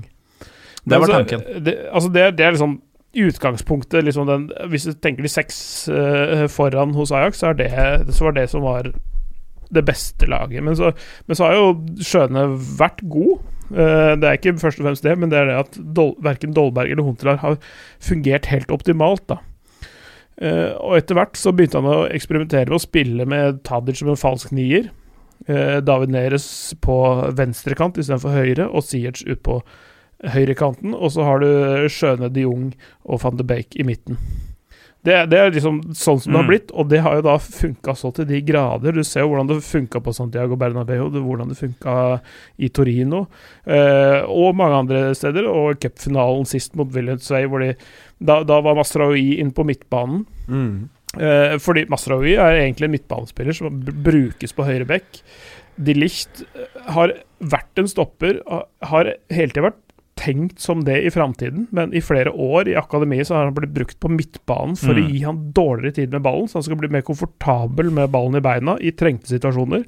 Sånn at han senere, når han skal bli seniorspiller som stopper, så var han mye bedre med ballen i beina. Det er sånn eh, Ajax driver spillerutvikling og, og tvinger, tvinger fram eh, ting, da. Men dette med det pragmatiske hos Erik Ten Hag er jo et poeng, fordi eh, da man så uh, høstsesongen, Mm. så starter jo PSV med 13 seier og virker fullstendig utilnærmelig. Altså det, det er sånn PSG-overlegenhet. Eh, og i løpet av sesongen tapte Ajax 6-2 mot Feyenoord, i en sesong som Feyenoord ikke er noe spesielt. Ja, det var i januar faktisk også, så det var ikke helt i starten. Nei, ikke sant. Et stykke uti. Eh, det man sitter igjen med, de aller fleste i hvert fall, er jo det fantastiske eh, som har skjedd i kvartfinale og sem... Eller åttendedels og kvartfinale i Champions League. Nå kan Også- jo PSV fortsatt vinne serien, da. Det skal sies. Eh, Mark van Bommels debutsesong som hovedtrener i PSV også. Mm. Eller debutsesong som hovedtrener og hode. Men Eh. poenget mitt var ikke at eh, Ajax har blitt seriemester, men at de egentlig ikke skulle være i nærheten, sånn som høsten så ut. Ja, I og med at PSV var så vanvittig mye bedre. Ja. Nå, Og, og, og i det hele tatt så, så var eh, PSV ganske nærme å, å gå videre fra gruppespillet sitt. I, eh, eller i hvert fall eh, Det var på tampen mot Inter, vel, hvor hvor Ja, altså de, de hadde i hvert fall De hadde mange gode kamper i gruppespillet i, i Champions League. Det var Mm. det som var poenget. Og de, de, de Mm. var veldig nærme å slå Inter. De var ikke så langt unna å slå Tottenham heller. Uh, altså, altså de, de, var, de, de, endte vel opp med ett poeng, tror jeg, uh, i den gruppe, gruppa der. Ja, de gjorde. Eh, men men allikevel, det var, ja, de, og de, de, var, de var gode mot eh, Barcelona også. Eh, men jeg husker at det var 1-0 fram til 71. minutt på, på kamp nå. Og så tapte de 4-0. Ja, det kan Mm. være. Ja, eh, og så, sånn at, sånn at de, de, de har et veldig høyt nivå, men så er det sånn Det er noe med Det er en sånn syke som uh, nederlandske lag lider av litt. Grann. De kan Mm. være fryktelig gode i en lang periode, men når det virkelig skal avgjøres, så botler de så til de grader. Da. senest i går mot uh, Ja, Med Ajax mot 0-5-0-1 på overtid uh, på eget gress osv. Mm. Uh, men, men, men det er litt sånn derre VM-finalen i 2010 Altså litt sånn, litt sånn De store anledningene, så er det sånn der ah, Så funker det ikke allikevel. Eh, og, og så er det sånn når de tror de liksom er eh, kongen på haugen og, og, og skal, skal cruise inn en eh, lett trepoenger i serien, så, så, så hender det at de blir fryktelig arrogante. Uh, og så da, da er det lett å slå nedenfra mot sånne, sånne lag. Der, der hvor Ajax f.eks. har slått nedenfra i Champions League, så er det andre lag som slår nedenfra mot Ajax i Nederland, og sammen med PSV. Eh, og så, Derfor så går de på smeller uh, titt og ofte, faktisk. Men begge de to lagene har nå 80 poeng mm. uh, med, med to serierunder én. Så det er, det, det er en vanvittig spennende avslutning i Nederland. Jeg antar at du har satt deg litt inn i hvem disse skal møte også. Så Ja, hvem, hvem, hvem vinner til slutt? Altså AZ PSV i nest siste runde. Det er tre nordmenn mot PSV på AFAS stadion. Og så er det Ajax mot Utrecht, gamleklubben til Erik Den Haag, på ja. Johan Creif Arena. Herakles Eller eh, PSV Herakles siste serierunde, og så er det De Grafschap mot Ajax siste serierunde. Den bør Eh, jo være grei skuring. Ja, men jeg tror det var i 2014 eller 2015 så, så trengte Ajax bare en seier Nei, i 2015 må det ha vært da. Trengte Ajax en seier borte mot De Grafschap, mener jeg det var. Siste serierunde eh, for å vinne. Og så endte det uavgjort 1-1, eller noe sånt. Nå. Så er det jo en ung gjeng, da. Man vet jo ikke hvor mye dette Tottenham-opplegget har fucka med hodene deres. Ja. Men vi må videre, vi. Og um, du skal få lov å fortsette å prate, Paul Thomas, for vi tar en tur til La France. Uh, er umulig å ikke starte med Monaco, tenker jeg. For et kaos. For et Ja, altså Ikke bare har de gjort det kaos. dårlig, men det har jo faktisk vært et kaos. Ja, i, ja men det, det, det Altså, jeg, jeg bruker ikke ordet kaos med letthet, eh, fordi det er lett å bruke med mye rart, eh, egentlig. Du er jo ikke en mann av store ord, men Jonas, vi kan jo quize deg litt eh, mens eh, Paul Thomas eh, finner fram eh, For jeg er mannen som bruker de store ordene. Hvem starta Monaco-sesongen eh, med på trenerbenken? Leonardo Jardim. Hvem har de på trenerbenken nå? De har uh, Leonardo Jardim, men det jo ikke Det var jo ikke opplest og vedtatt at det skulle være sånn. Nei, Fordi han fikk jo sparken, eller de ble enige om å gå hver sin vei, fordi at han ikke fikk laget noe lengre. Og så var det den gamle helten Thierry Henry som eh, fikk jobben, og det er Jeg har vel Det må vel nesten sammenlignes med Gary Neville sin tid som Valencia-trener hva angår ekstremt eh, dårlige prestasjoner, for der var det ingenting som stemte. Fra asken til ilden. Ja, eh, altså det var grusomt eh, dårlig med, med Henri, og da han måtte gå, så var, jo, var det jo spørsmålet mange om hvem er det som tar over, og da Plutselig så poppet eh, navnet til Jardim opp igjen, og det ble han som tok over. Det har vi også sett i, i andre ligaer, der eh, bl.a. Villarreal har eh, sparket treneren sin, Havi Calleja, og ansatt ham på ny. Og, og etter at det ikke gikk så bra for Luis Garcia. Og så har du Zidane, da, som har gikk før sesongen med Real Madrid, og har kommet tilbake igjen nå etter at Julian Lopetegi og Santiago Solari uh, kuka det til ganske greit i, i Madrid. Så det, det har blitt en trend, det greiene der med å sparke treneren din og så ansette han bare noen uker, måneder etterpå. Litt story of the year i europeisk fotball denne sesongen, Ja. på Thomas. Ja, øh, skulle nesten tro at alle har vært på studietur på, øh, til, til Palermo. Ja. Eller eh, gode gamle Jesus Hill. Ja, ja. Ah, ja. Ja, ja. Men tenk, tenk, på, tenk på det der Palermo-laget. Har jo hatt uh, litt forskjellige trenere opp igjennom. Det har vært noe. Ja, uh, gjerne eh, Jeg lurer på om Det var en av de sesongene vi hadde i italiensk fotball. Jeg lurer på om Yakini var innom tre ganger som trenere. Det er sånn, det er sånn I Italia så kan du si opp en trener, og så, så kan du ikke trene en annen klubb den samme sesongen. Så de, de, er, på en måte, de er på en måte på kontrakt, eh, i hvert fall ut sesongen. Uh, sånn, at, uh, sånn at hvis de har lyst til å hente deg inn igjen, så gjør de det. Det er samme i Spania. Mm. At du kan ikke Eller jeg fikk ikke på kontrakt, men du, men du kan ikke trene en annen klubb i spansk fotball. Så i praksis så er du på kontrakt, for du får ikke lov til å ta en annen jobb. Og derfor så, Ja. derfor, derfor derfor på en måte er du en ansatt som må møte på jobb når arbeidsgiveren din ber deg om det. Kan jo bare, siden vi enkelte her i rommet, jeg skal ikke si hvem, allerede har liksom reklamert for eget produkt, så var eh, episode 27 av Pyro og Pivo for eh, to års tid siden, ganske nøyaktig, en egen Palermo-episode. Det var vel da de rykka ned fra Serie A. Eh, Si meg, hadde du eh, Ruud Venneråsen inni Det var? Ruud Venneråsen, vet du. Stakkars fyr. Men eh, altså, Monaco, Paul Thomas. Du er ikke så overraska over at de ikke leverte sportslig denne sesongen, men skulle det bli så ille? Uh, nei, altså det, det- er jo litt slitasje, da. Og, og etter at uh, Må du hjelpe meg litt med den portugisisk-brasilianske uttalen, Jonas. eh, Jorge Campos. Ja, det er Jorge Campos. Det Ja, er, ja. Men stemmer. det er fortsatt uh, portugisisk uttale. er Jorge Campos. Ja, eller? ja, ja. Campos. ja, det, var det, det var det jeg tenkte. At jeg, jeg skulle ikke prøve å være spansk når det er eh, portugisisk. Nei. Men, men Nei. Det, var vel, det, det er vel det sportsdirektøren het, som nå er å finne i Lill, som gjør underverker der. Uh, under uh, klubbeier Gerard Lopez. Så han, Men- som, han som Han som på styrte den delen av sjappa i Monaco i suksessåra, Ja. er nå i Lill?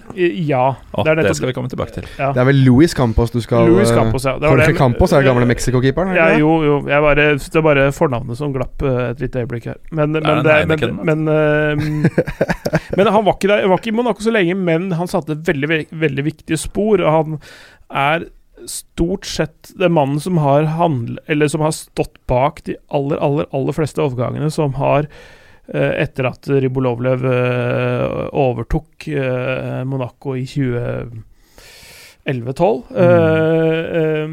han ble henta som sportsdirektør i 2013, og jeg tror han dro allerede i 2015. Men han fikk gjort veldig mye på det året. Satte spor i, i, i det sportslige Eller det, det Hva skal vi si Sportsdirektørapparatet, da.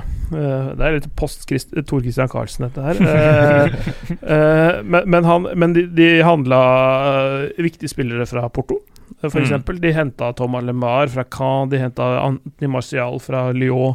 Altså sånne spillere altså, De brukte veldig Er veldig flink på å identifisere talent, og er en god forhandler, så han får kjøpt de billig eller gratis. Så han følger med på kontraktsituasjoner, han vet liksom sånn alle de tingene som er viktige. eh, både sportslig og forretningsmessig. Så han, de har henta spillere veldig billig, stort sett.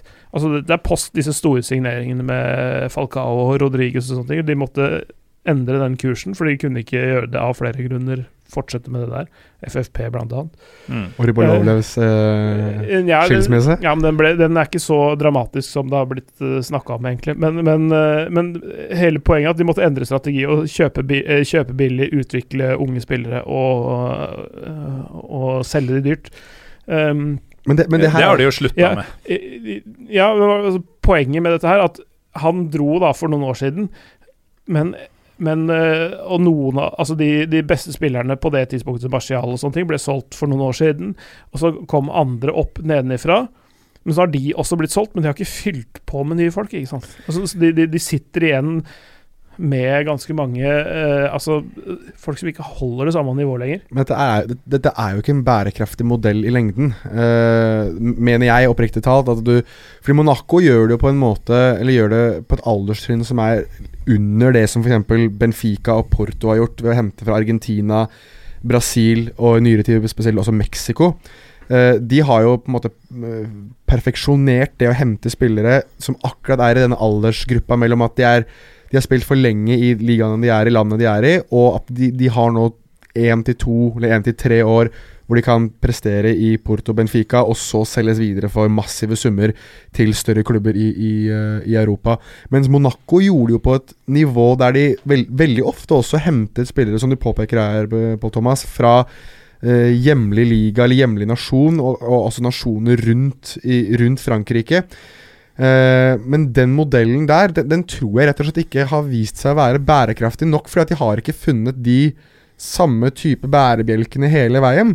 Eh, og, og da sitter du igjen med et sjansespill uten like, og når det ikke eh, responderer på den måten, så har du ikke et minimums minstenivå, da, som betyr at du ligger midt på tabellen. Da er det minstenivået såpass lavt at du ikke egentlig helt vet om du har kontroll, og det hadde jo ikke Monaco.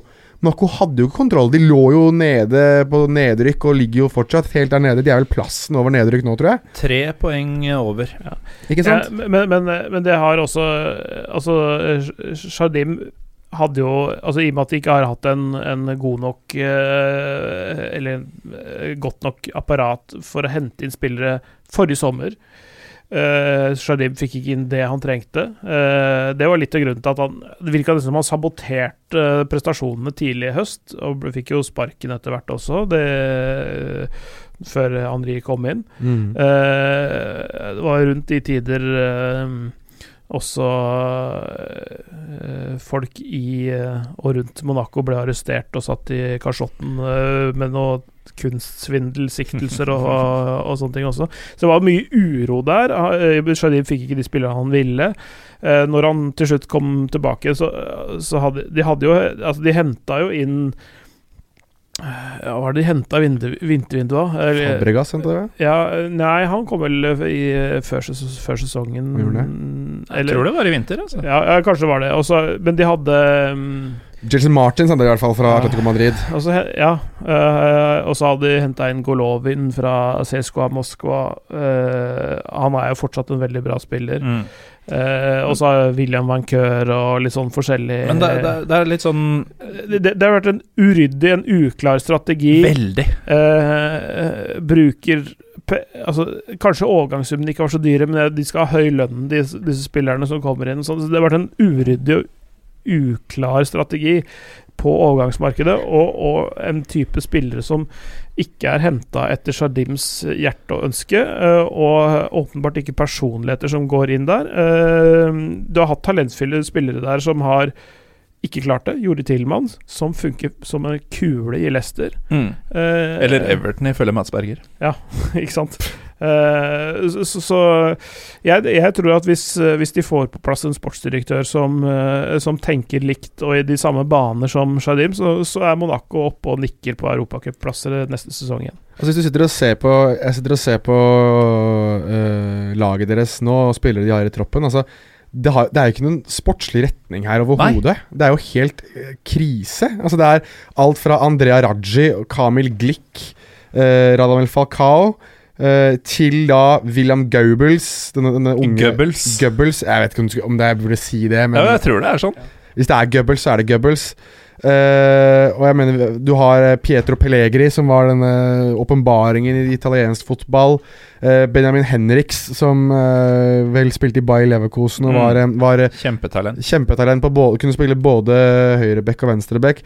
Altså det er Man vet liksom ikke helt hvilke er, Skal det være et lag som satser ungt, og som skal ut i Europa og selge disse spillerne her, eller er det et lag som skal hente spillere som er prime på vei over middagshøyden, eh, og skal på en måte skvise ut den siste delen av, av Eller siste safta av sitronen i, eh, i Monaco. Det er eh, eh, som Paul Thomas var inne på, altså utfordringen deres blir å finne ut hva, direkt, hva retningen deres egentlig er for neste sesongene. Ja, for det er nettopp det jeg tenker også når jeg ser Hvis jeg setter på en Monaco-kamp, eh, spesielt denne våren, så er det litt sånn Jeg blir overraska når jeg ser enkeltspillere sånn Hæ, er han der? Når Ja. havna han der? Ja. Det virker som en sånn tilfeldig sammenraska gjeng med spillere. Ja. Uh, og at det hele virker veldig Altså, åpenbart når du kvitter deg med en trener, og så ansetter han igjen samme sesong fordi ting ikke virka som det skulle da han forsvant.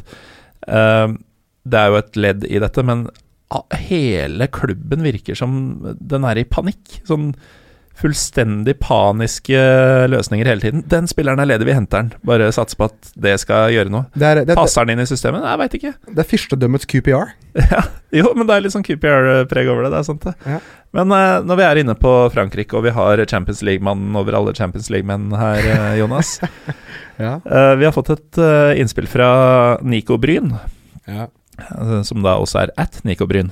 Heter sikkert Nicolai Bryn, hvis jeg skal gjette. Hei, Nicolai Bryn. Eh, vi sier at du heter Nikolai Bryn, eh, Nikolai Bryn.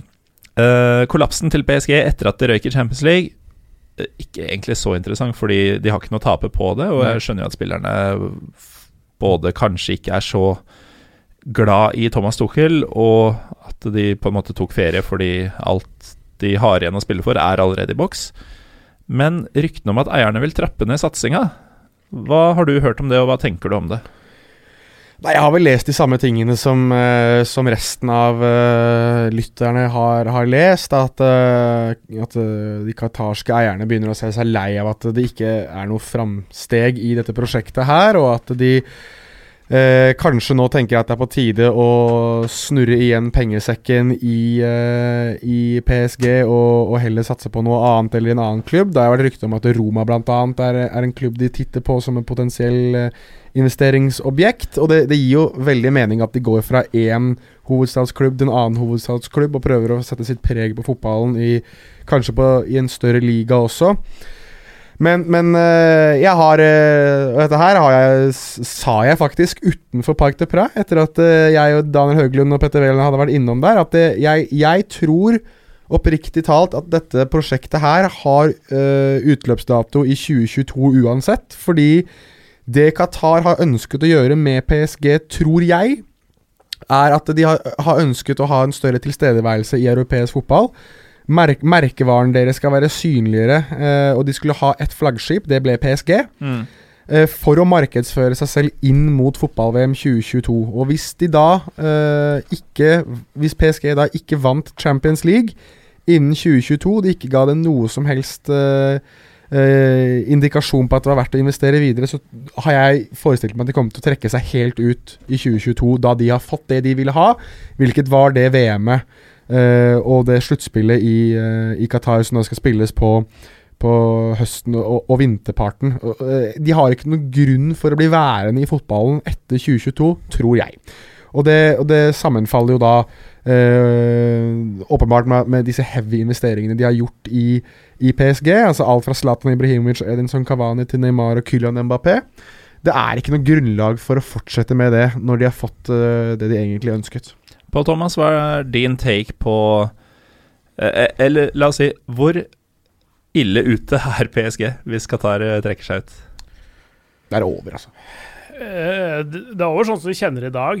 Ja, men altså lønningene de sitter med, og Det er, det er jo Brynestad og Lyn ganger 60 000 millioner. Ja. eh, så har vi nå et eh, marked som heter Kina. Eh, og, og et og annet eh, underholdningskonsern som kunne tenke seg Neymar, f.eks. Eh, Cavani er såpass gammel at han legger opp. Mbappé er på en høy, høy lønn, selvfølgelig. Men, men resten er liksom sånn mulig å flytte på. Uh, selvfølgelig må jo store avskrivinger til, for de får ikke solgt for den samme summen som de har kjøpt for, selvfølgelig. For, for i hvert fall en god del av de. Uh, men, men jeg tror også at eh, Jeg tror kanskje de får en, en sesong til. Jeg tror ikke det nødvendigvis varer til 2022, men jeg tror de kommer til å, å, å, å, om ikke stenge pengekravene, så, så, så skru litt sånn sakte igjen. Uh, hvor mye nye, store investeringer de, de gjør, fordi uh, Jeg tror, for å parafrasere en norsk fotballpersonlighet De liker ikke å reise rundt i Europa og bli pissa på. Eh, ja, men, men det har det jo faktisk blitt. Ja, det altså, de, det var tre kvartfinaler på rad, så er det blitt to åttendelsfinaler på rad, hvor de ryker ut av Champions League. Det hører jo ingensteds hjemme med den pengebruken. Uh, Ja, De røyk vel ut mot Ranheim eller noe sånt denne sesongen, tror jeg. Ja, Var det- ikke langt unna, i hvert fall. ja. ja, men det er omtrent eh, på det eh, Nei, ikke på det nivået. Men, men altså, altså det, det er ikke noe tvil om at de har gode fotballspillere. De kan i sine beste stunder spille fantastisk fotball, jf. 4-0 på Park du Prance mot Barcelona, hvor de bare Altså Vasket gullet med dem, eh, ja. La oss si Du kan, du kan jo se eh, andre 4-0-tap for Barcelona av litt nyere dato. Litt på det nivået var også den kampen der, men med deres egne varianter, da. Andre lag, eh, når vi er inne på fantastisk fotball, og da spesielt framover mm. Du nevnte at sportsdirektøren hadde flytta fra Monaco til Lille. Ja. Eh, det de har drevet med denne våren, Mm. og Ja. sesongen for så vidt. Ja, hele sesongen. Det er eh, ofte det som gir grunnlag for at de er på andreplass bak eh, PSG eh, tre runder før slutt, eh, og har en mer eller mindre garantert, for det ligger seks poeng foran Lyon også. Eh, det, det er noe med strategien eh, til sportsdirektøren og, og, og klubbeieren. Altså, Lill var De vant jo serien i 2011 med Eden Hazar og Moussa Sov, som du bl.a. kjenner til. eh, Mm. Eh, senere gikk det en mye bedre klubb. Røva Shata Adame. mm. Var Joe Cole der? Joe Cole var der, og eh, Adil, Adil Rami og liksom en del eh, Adil Rami! Rio Mavuba. Uba, ja. Flo, Florent Balmont. Eh, ikke Johan minst Kabay. Ja, Kabay, Gervinho og, altså Det var et fantastisk lag. Rudi Garcia var trener. Vincent Eh, Enyema. Ja. Eh, han, Nydelig. Det er undervurdert keeper.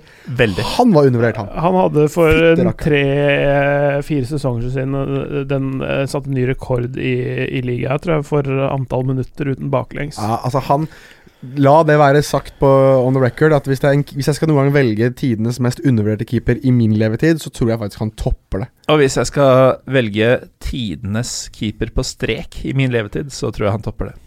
Så er han alltid blid. Mm. Alltid smilende. Alltid, alltid fornøyd. Hyggelig eh, fyr, men det er ikke han som spiller der nå, det er med Mike Mignon, som, som vel står i mål der, hvis jeg Men- ikke husker helt feil. Men den angrepsrekka må vi Ja, snakke om, for ja. der skal du være god hvis du hadde hørt om dem eh, på forhånd. Ja, eh, eventuelt eh, ha et usunt fokus på fo fransk fotball. Um, eh, nei, men, men eh, det, det, selv fotballkjennere har slitt med å egentlig eh, altså, De lurer alltid på hvem er det, hver gang Lill Jeg har kjøpt en ny spiller de siste åra. Fordi, fordi eh, denne Campos har stått bak disse overgangene. Eh, Andredivisjonsspillere fra Portugal, folk du ikke har hørt om fra Brasil. Altså de har de, Av de fire i fronten, oppe på, på høyrekant, uh, tierrollen, venstrekant og nieren, gjennomsnittsalder på 21 år. Mm. Eh, eh, Vi snakker da uh, Rafael Leao, ja, det er spissen. Så har du Jonathan Ikone. ja, han er, I i tierrollen så har du Bamba til venstre og, og Nik, altså den store spilleren Nicolas Pepe på høyrekanten. Pepe er jo han som nå kommer til å spille i Nå har vel Bayern trukket seg ut, leste jeg i Bild, at han blir for dyr for dem. Ja, det, det er litt pussig at jeg tenker Min um umiddelbare reaksjon, eh, selv om jeg hater Bayern, er at det er synd. For jeg tenker det er den ultimate arvtaker til ja. Robben. Ja, det er akkurat det han er. Fordi han er en venn Altså, han er egentlig sånn altså, hva, Jeg vet ikke om du Tobeint kaller det vel på norsk. eh, Altså Ambidextriøs på ja, ja, ja, Ambidextrous er det, det, det som er egentlig som betyr tohendt. Ja. Eh, men også sånn, han, han kan bruke begge bein, men han er i utgangspunktet venstrebeint, høyre kant. Eh, så han liker å skjære inn i banen sånn på den måten som uh, man vet. Og så har man en bekk som kommer på utsiden. Sånn klassisk. men, men han er eh, helt fantastisk, og han åh, nå, jeg, nå glipper det litt av hvor mange skåringer han har den sesongen. Han har tosifra. Han har mange. Han, har vel, han er vel nummer to på skåringslista bak Mbappé. Han- Jeg lurer på om han har 20 mål. Ja, så har 20. Mbappé, Mbappé 30. Så tror jeg han har eh, 12-13 assist også. Mm. Eh, vanvittig po- poengproduksjon eh, for, et, for et lag som ikke var- levna mange sjanser. Altså de, eh, I fjor, da, altså eh, 17-18-sesongen, så, så Det var da Campos kom inn for øvrig, før den sesongen. De solgte 22, eller sendte bort 22 spillere, kjøpte 17. Altså en fullstendig overhaling av, eh, av troppen. Bielsa inn med 13 poeng på 12 kamper, fikk sparken. Og så er det inn med Christophe Galtier, som trente Sankt igjen tidligere. Uh, en, en veldig veldig dyktig taktiker, spiller fin fotball. Uh, mm, og så har de kjøpt de riktige spillerne, riktig personligheten, ikke minst. Det er viktig for Campos. Personlighet. Mm. Talent uh, er, er, er liksom det, det funker ikke uten personlighet. Og personligheter må gå sammen. Du må matche klubbens filosofi og trenerens filosofi og alt det greiene der. Og der har han gjort riktige ting. Henta igjen eh, Nei, portugisisk uttale. Han derre Fonte, som du kalte i Southampton. Fonchi er vel Fonchi. Er Ja. det sånn du uttaler det, tror jeg? Eller Ja, Fonch? Uh, han var vel innom uh, kinesisk klubb og, og De har to foncher, faktisk. De har Ja. Rui også. Ja, men, men tenk på han, han 35 35-åringen som, som stopper. Litt rutine. Uh, et tyrkisk talent på høyrebekken. Seki Celik. Ja. Eh, altså, altså, de, altså henter både rutinerte og ta, uh, unge talenter, og noen som er litt sånn midt imellom. Finner veldig fin miks av det. mm. uh, så, og, og matcha med en god trener, selvfølgelig. Galtier sin avgang i Sankt Etienne og tilgang i Lill på en måte har gjort begge klubbene bedre. Det er to navn her som jeg biter meg fast i med en gang igjen jeg titter på lista. Jeg har sett, uh, sett Lill en del i år, men, men eh, altså Hafay Leao, han nummer sju for uh, Han var jo jaget av Europas elite uh, da han spilte i Sporting. Altså Han var jo så et ettertrakta, og Manchester City trodde jo uh, slik det ble rapportert i hvert fall, trodde jo at de hadde ham. Mm. Men da uh, Lill kom på banen og sa at du kommer til å spille her, du kommer til å få masse sjanser, vi skal bygge rundt deg, så tok han sjansen der. Og da er vi igjen tilbake på det på Thomas snakker om at eh, å se etter typer og folk som tør å ta en utfordring, og det viser jo Leon til gangs at han tør ved å, å, å dra til Lill Mm. og en litt mer vanskelig liga, da. En, eh, eller kanskje i hvert fall vanskeligere posisjon enn det han kanskje hadde hatt i, i City, da. Mange vil jo tenke at han har eh, gjort et klokt valg, da. Ja. Fordi han har jo satt eh, fyr på ligaen denne sesongen. Mm. Ja, og, og det er nettopp det. Altså, når skulle han fått spilletid i City? da? Ja. Hvor, hvilken plass skulle han fått spilletid på? Altså, det, Frankrike er et fantastisk eh, sted og altså, en sånn stepping stone, kanskje før det helt øverste nivået. Um, det, det, er, det er veldig sånn competitive liga. Det er veldig høyt nivå på det både tekniske og det fysiske og det taktiske. Og, Mm. og, og ja, i det hele tatt et veldig, veldig klokt valg. For, for, fordi mange brenner seg på å, å gå for de store, store klubbnavnene, eh, og de, kanskje de store trenerne også.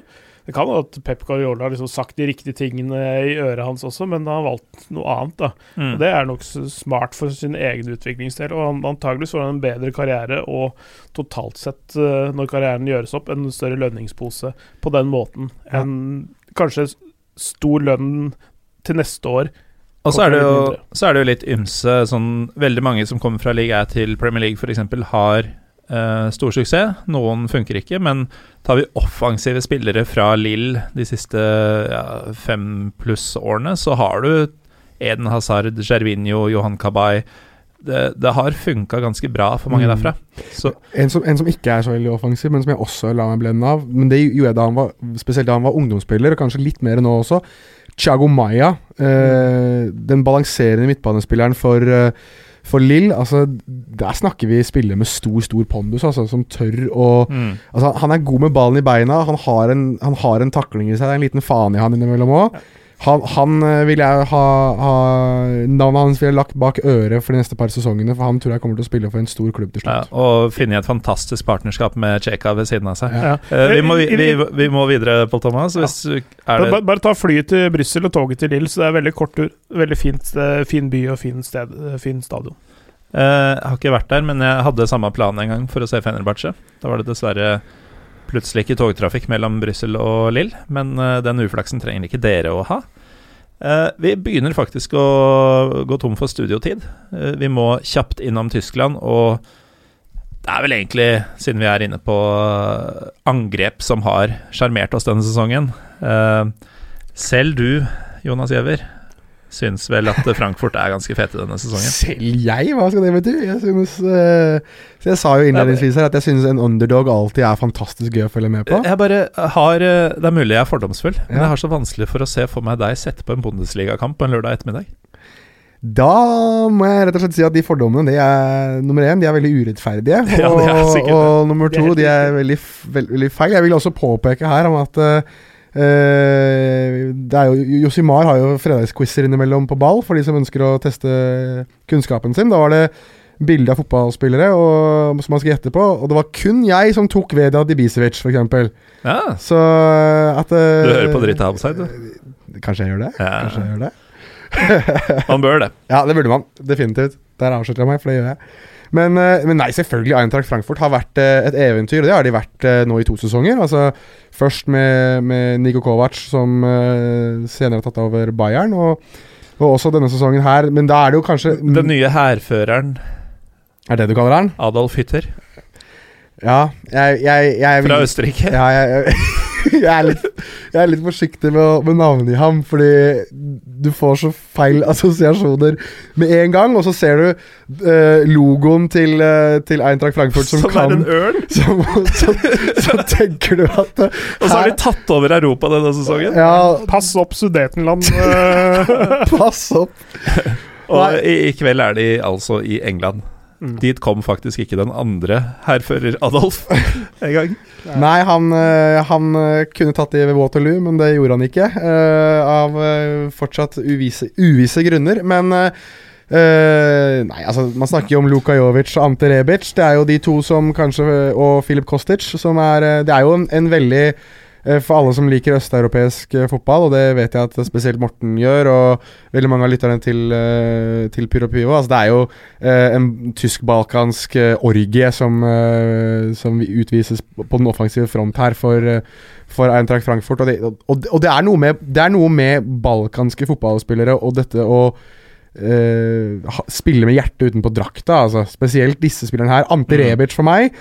Eh, jeg forelsket meg jo forelsker meg jo alltid i en eller annen En elegant lag. kjøttspiller.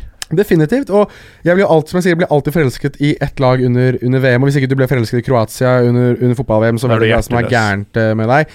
Men Ante Rebic i det mesterskapet der Nei, altså Hva skal man si? Det, du blir liksom uh, Aider Vatska hele veien gjennom etter det. Uh, så, så nei, jeg eh, Selvfølgelig, det, det, er, det, har, det har vært et eventyr av en sesong. Dessverre så kommer det ikke til å fortsette noe spesielt lenger, tror jeg, etter denne sesongen her. Fordi tipper det laget der plukkes ganske greit fra hverandre etter uh, Nojovic mest sannsynlig signerer for Real Madrid, så Mm. Og det er først og fremst angrepsrekka som er greia her, og de kommer til å dra over alle skoger eh, nå. Mm. Eh, apropos disse, Paul Thomas. eh, Det ble nevnt noe slaviske navn, men eh, det er vel en Ja, franskmann du vi- også gjerne vil Ja. trekke fram? Ja, ja, egentlig flere. eh, altså, vi må ta Kostic uh, også, for å Phoenix? Uh, ja. Uh, inn, i, inn i rekka der. Altså Gas Gasinovic, Kostic, Rebic, Jovic. Eh, men også Dani da Costa og eh, Jeg, liker, jeg liker altså, Timothy eh, Chandler òg, jeg, faktisk. ja, ja, ja. altså, altså Jonathan de Guzman uh, også. Men, men kanskje, han som, kanskje han som på en måte Man har jo hørt om disse spillerne, lest om de og sett de osv., men en som kanskje overrasker meg mest når jeg så han Han ble riktignok skada i den, den matchen øh, jeg, skal snakke om straks. Uh, Lucas Toró.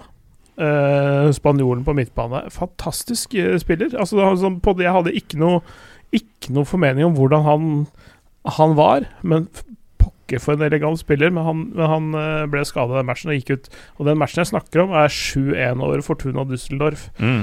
Det på en måte det som ble altså, vannskillet for Luka Jovic denne sesongen, og karrieremessig.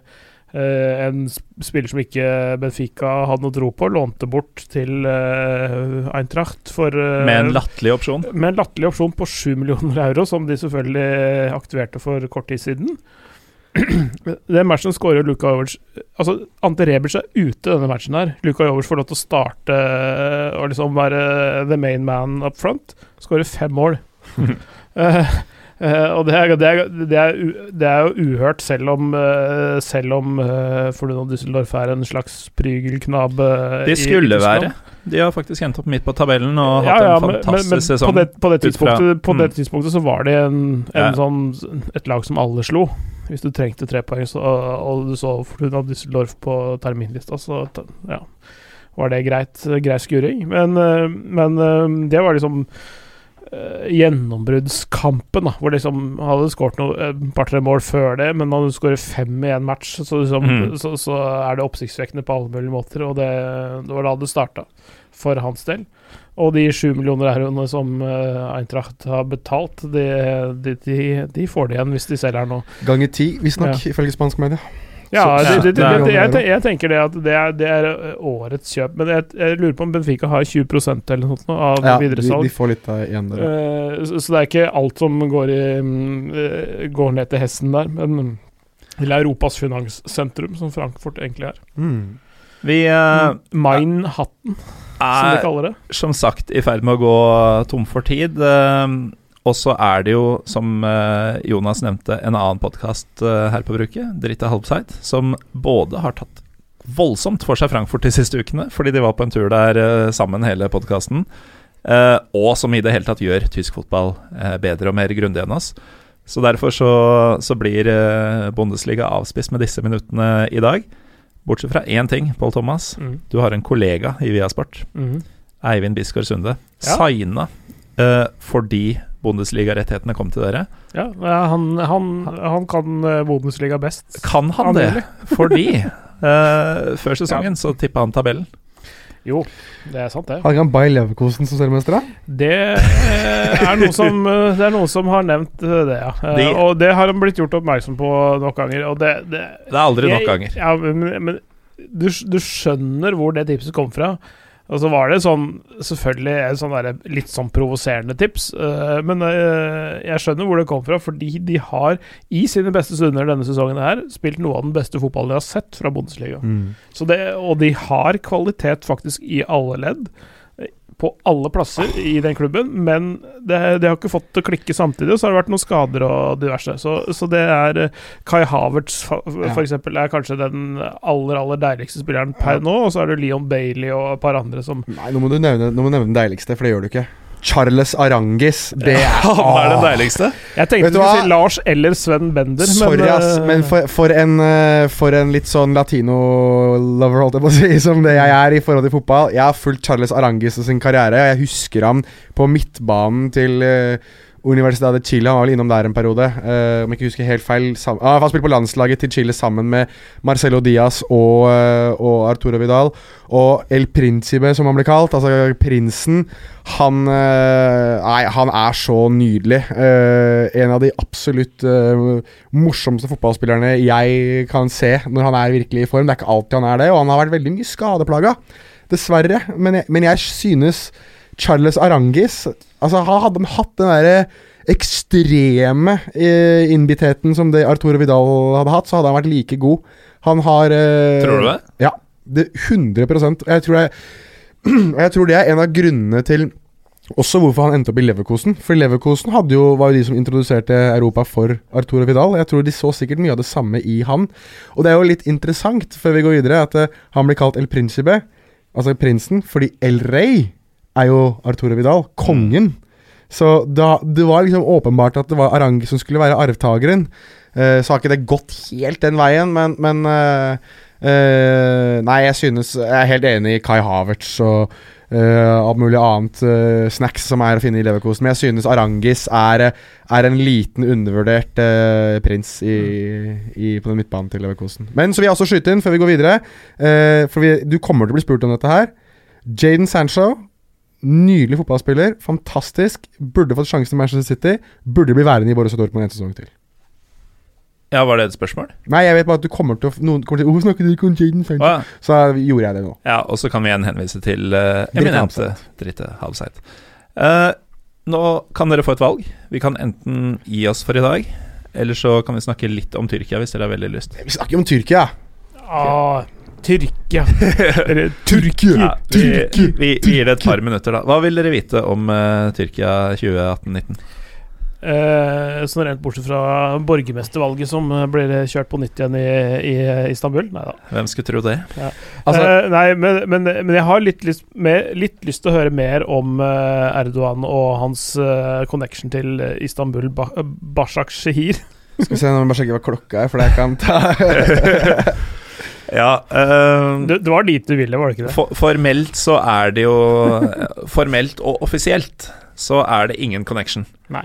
Uh, under overflaten så virker det å være en ganske tydelig connection, uh, i og med at eh, Erdogan Kan det sammenlignes med, med Franco Real Madrid, f.eks.? Så rent bortsett fra at eh, Eller Salazar og Benfica. Uh, eh, Bashak Shehir er ikke på noe, på noen måte like populært. Nei. Nei. Eh, nei. snitt vel på 2700 eller noe sånt i en sesong hvor de inntil for de siste par månedene, hvor de bare har slutta å vinne kamper, heldigvis, eh, har vært egentlig helt overlegne. Det var ikke snakk om at de skulle gi fra seg dette. Og det er litt interessant. De eh, ble jo stifta for snart fem år siden, eh, og har nå på tredje året på rad, tror jeg det er, leda serien eh, ved halvspilt. Og så har de choka hver gang. I år så hadde de en så stor ledelse og ingen utfordrere, i og med at uh, Fenerbahçe kjempa mot nedrykk, Besjiktas var midt på tabellen og Galatasaray hadde ingen spisser. Så var det ikke noe mulighet. Det, det var, eh, jeg tror på andreplass uh, på den tida var Kasim Pasha eller uh, Malatyaspor, eller uh, sånn tulleklubb, da. Og så er de i ferd med å choke på oppløpet igjen. Nå uh, var det vel forrige uke, tror jeg, at de Galatasaray gikk av poeng med dem. eh, og bare Aha. Ja, de, de leda for ikke så lenge siden med om det var åtte-ni poeng. Eh, det er nå blitt null. Galatasaray har bedre målforskjell og har da tatt over serieledelsen. Og uh, har igjen Bashakshehir hjemme i en av de siste Hvor mange runder er det igjen i Tyrkia? Tre kampene. På Ali Sami igjen, er det det det heter? Eh, det heter Ja, faktisk Turkcell- delvis Telekom. Turkcell Turkcell det, er noe sånn eh, Ali Sami igjen spår kompleksi Turk Telekom Arena eller noe sånt. Ja. Eh, Det står, det står Turk Telekom på toppen, i hvert fall. Ja, det, det offisielle navnet er Turk Telekom Arena, men uh, det mer offisielle navnet er en sånn større utgave hvor Turk Telekom Arena er en del av Ja. Ali Sami igjen sportskompleks, Mm. eller sportkompleksi. Uh, uansett så har jo Erdogan, da, som er gammel fotballspiller, og som er eh, født og oppvokst i Kasim Pasha-området, hvor da stadion til Kasim Pasha er oppkalt etter ham, til og med. Uh, har troskap til dem hele livet, bortsett fra i valgperioder hvor han både har vært Galatasaray-fan og Fenerbahçe-fan, blant annet. Det høres litt ut som Torbjørn Jagland. Ja, han Som er, er både Rosenborg og Godset-fan, litt Ja. sånn, eh, ettersom hvilken by han befinner seg i. eh, Torbjørn Jagland er jo på mange måter Norges uh, Recep Tayyip Erdogan. Nei, må, du- må du være, må, Ok, på én måte, må du være forsiktig her, altså. Herregud. Nei, det så de er slem mot Jagland, altså. Ja, vi er slemme mot en av dem, i hvert fall.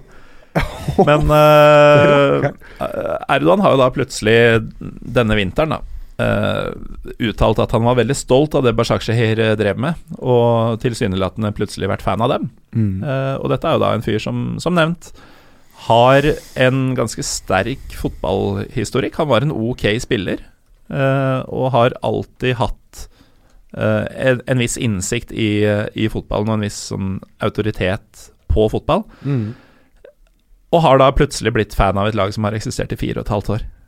Tilfeldigvis når de gjør det best. Mm. Og de holder til i et uh, konservativt område i Istanbul, eh, som de for øvrig flytta til i 2014. Mm. Uh, hvor han da kan samle mye velgere. Så det, det, er en viss stank over den klubben her. Og så er det jo det at de har Robinho, de har Arda Turan, De har en haug med spillere på høye lønninger. Emre, ikke han der? Emre Bellozolo, gamle rasisten.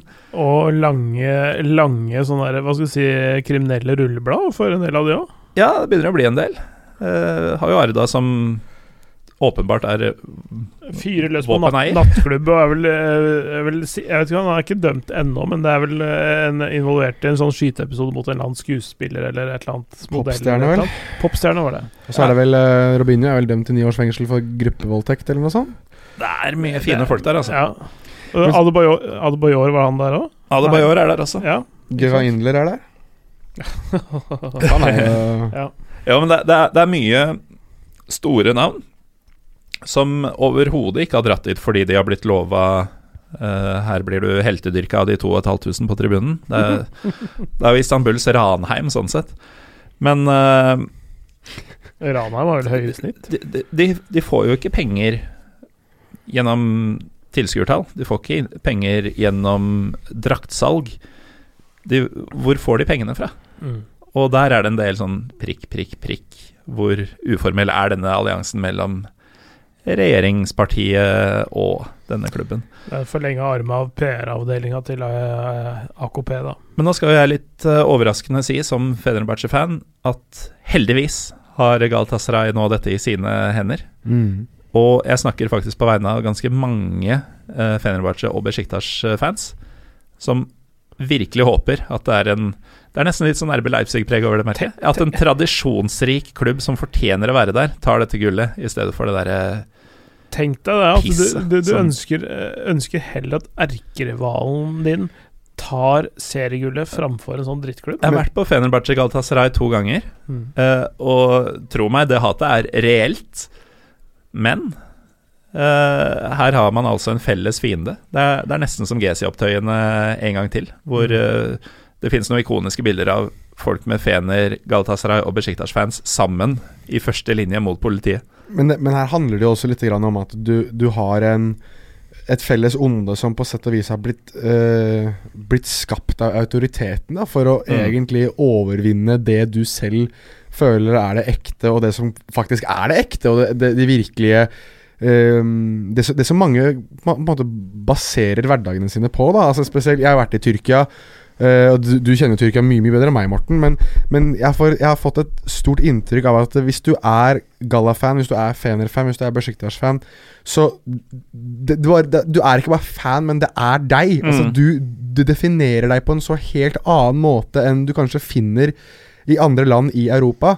Og når du da får Uh, Med all respekt til alle de andre ligaene, for så vidt også, når jeg sier dette, Uh, men når du da får Erdogan tilsynelatende, eller uh, autoriteten som bestemmer seg for at Vet du hva? Ik ikke engang en av dere tre. Vi velger en, noe helt annet, vi. Mhm. Og bare starter noe, og bare rensker ligaen for de beste spillerne. Rensker de beste Kanskje ikke bare ligaen, men altså andre klubber for de, for de beste spillerne de har. Bare for å fucke det til for dere, og vise at det, her er det jeg som bestemmer. Altså da jeg i Erdogan og regjeringens eh, Mm. ånd. Da, da, da tror jeg rett og slett at man har kommet uh, til to, to punkter. Nummer én at eh, da har, eh, da har man tatt vekk uskyldigheten, det, det fine, det, som, det, det vi forelsker oss i med fotballen. For da har noen bestemt, prøvd, i hvert fall prøvd å bestemme at det, sånn skal det være, fordi de har lyst til å ha kontroll. Og nummer to man får en forenlighet mellom fiender fordi at man faktisk blir fratatt det som man har basert store deler av sitt være på. Altså Man, man, man legger så mye i fotballen i, i land som Tyrkia at det, du, det, er nest, det er nesten Nesten som å pisse på religionen til noen ved å gjøre det man gjør på den måten der. Man, man ser det jo Ikke bare nesten heller i Tyrkia.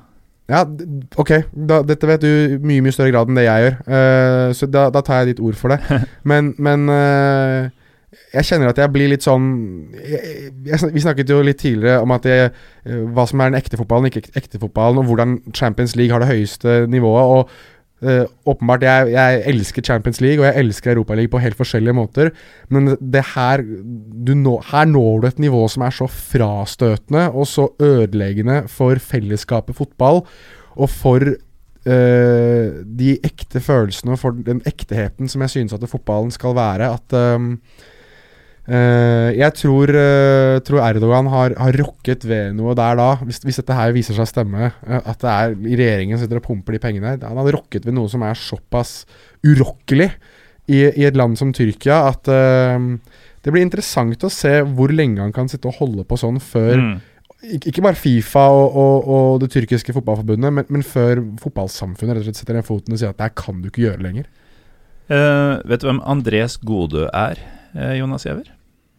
River Plate Norwega. Ja, ja, ja, ja selvfølgelig.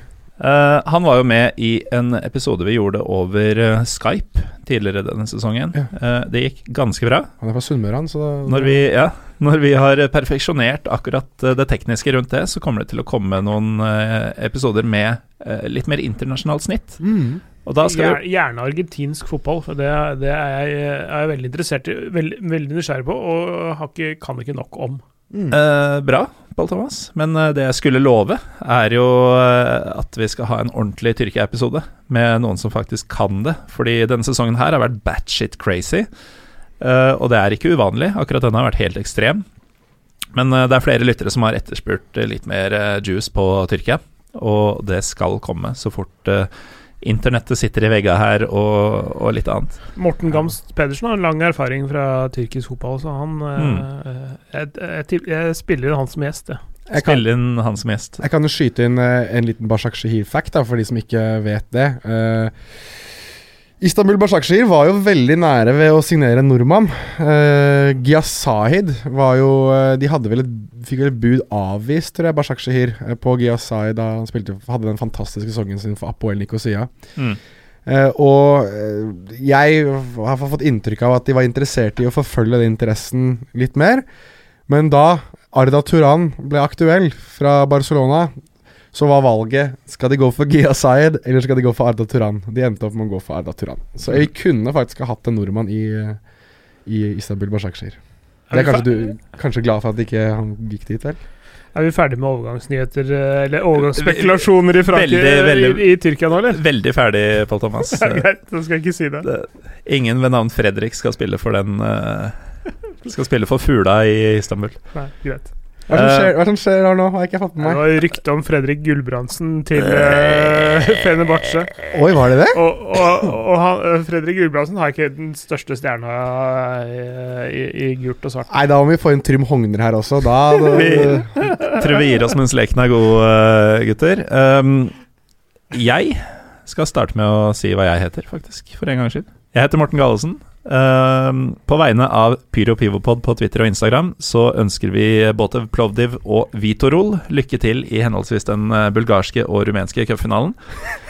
Og så vil jeg gjerne takke deg, Paul Thomas, usunt forhold til fransk fotball, Clay. Takk, takk. Og deg, Jonas, ambidekstriøs latino-lover Giæver. For at dere var her i dag. Takk, takk. Og til dere som hører på, takk for at dere gjør nettopp det. Så høres vi neste uke.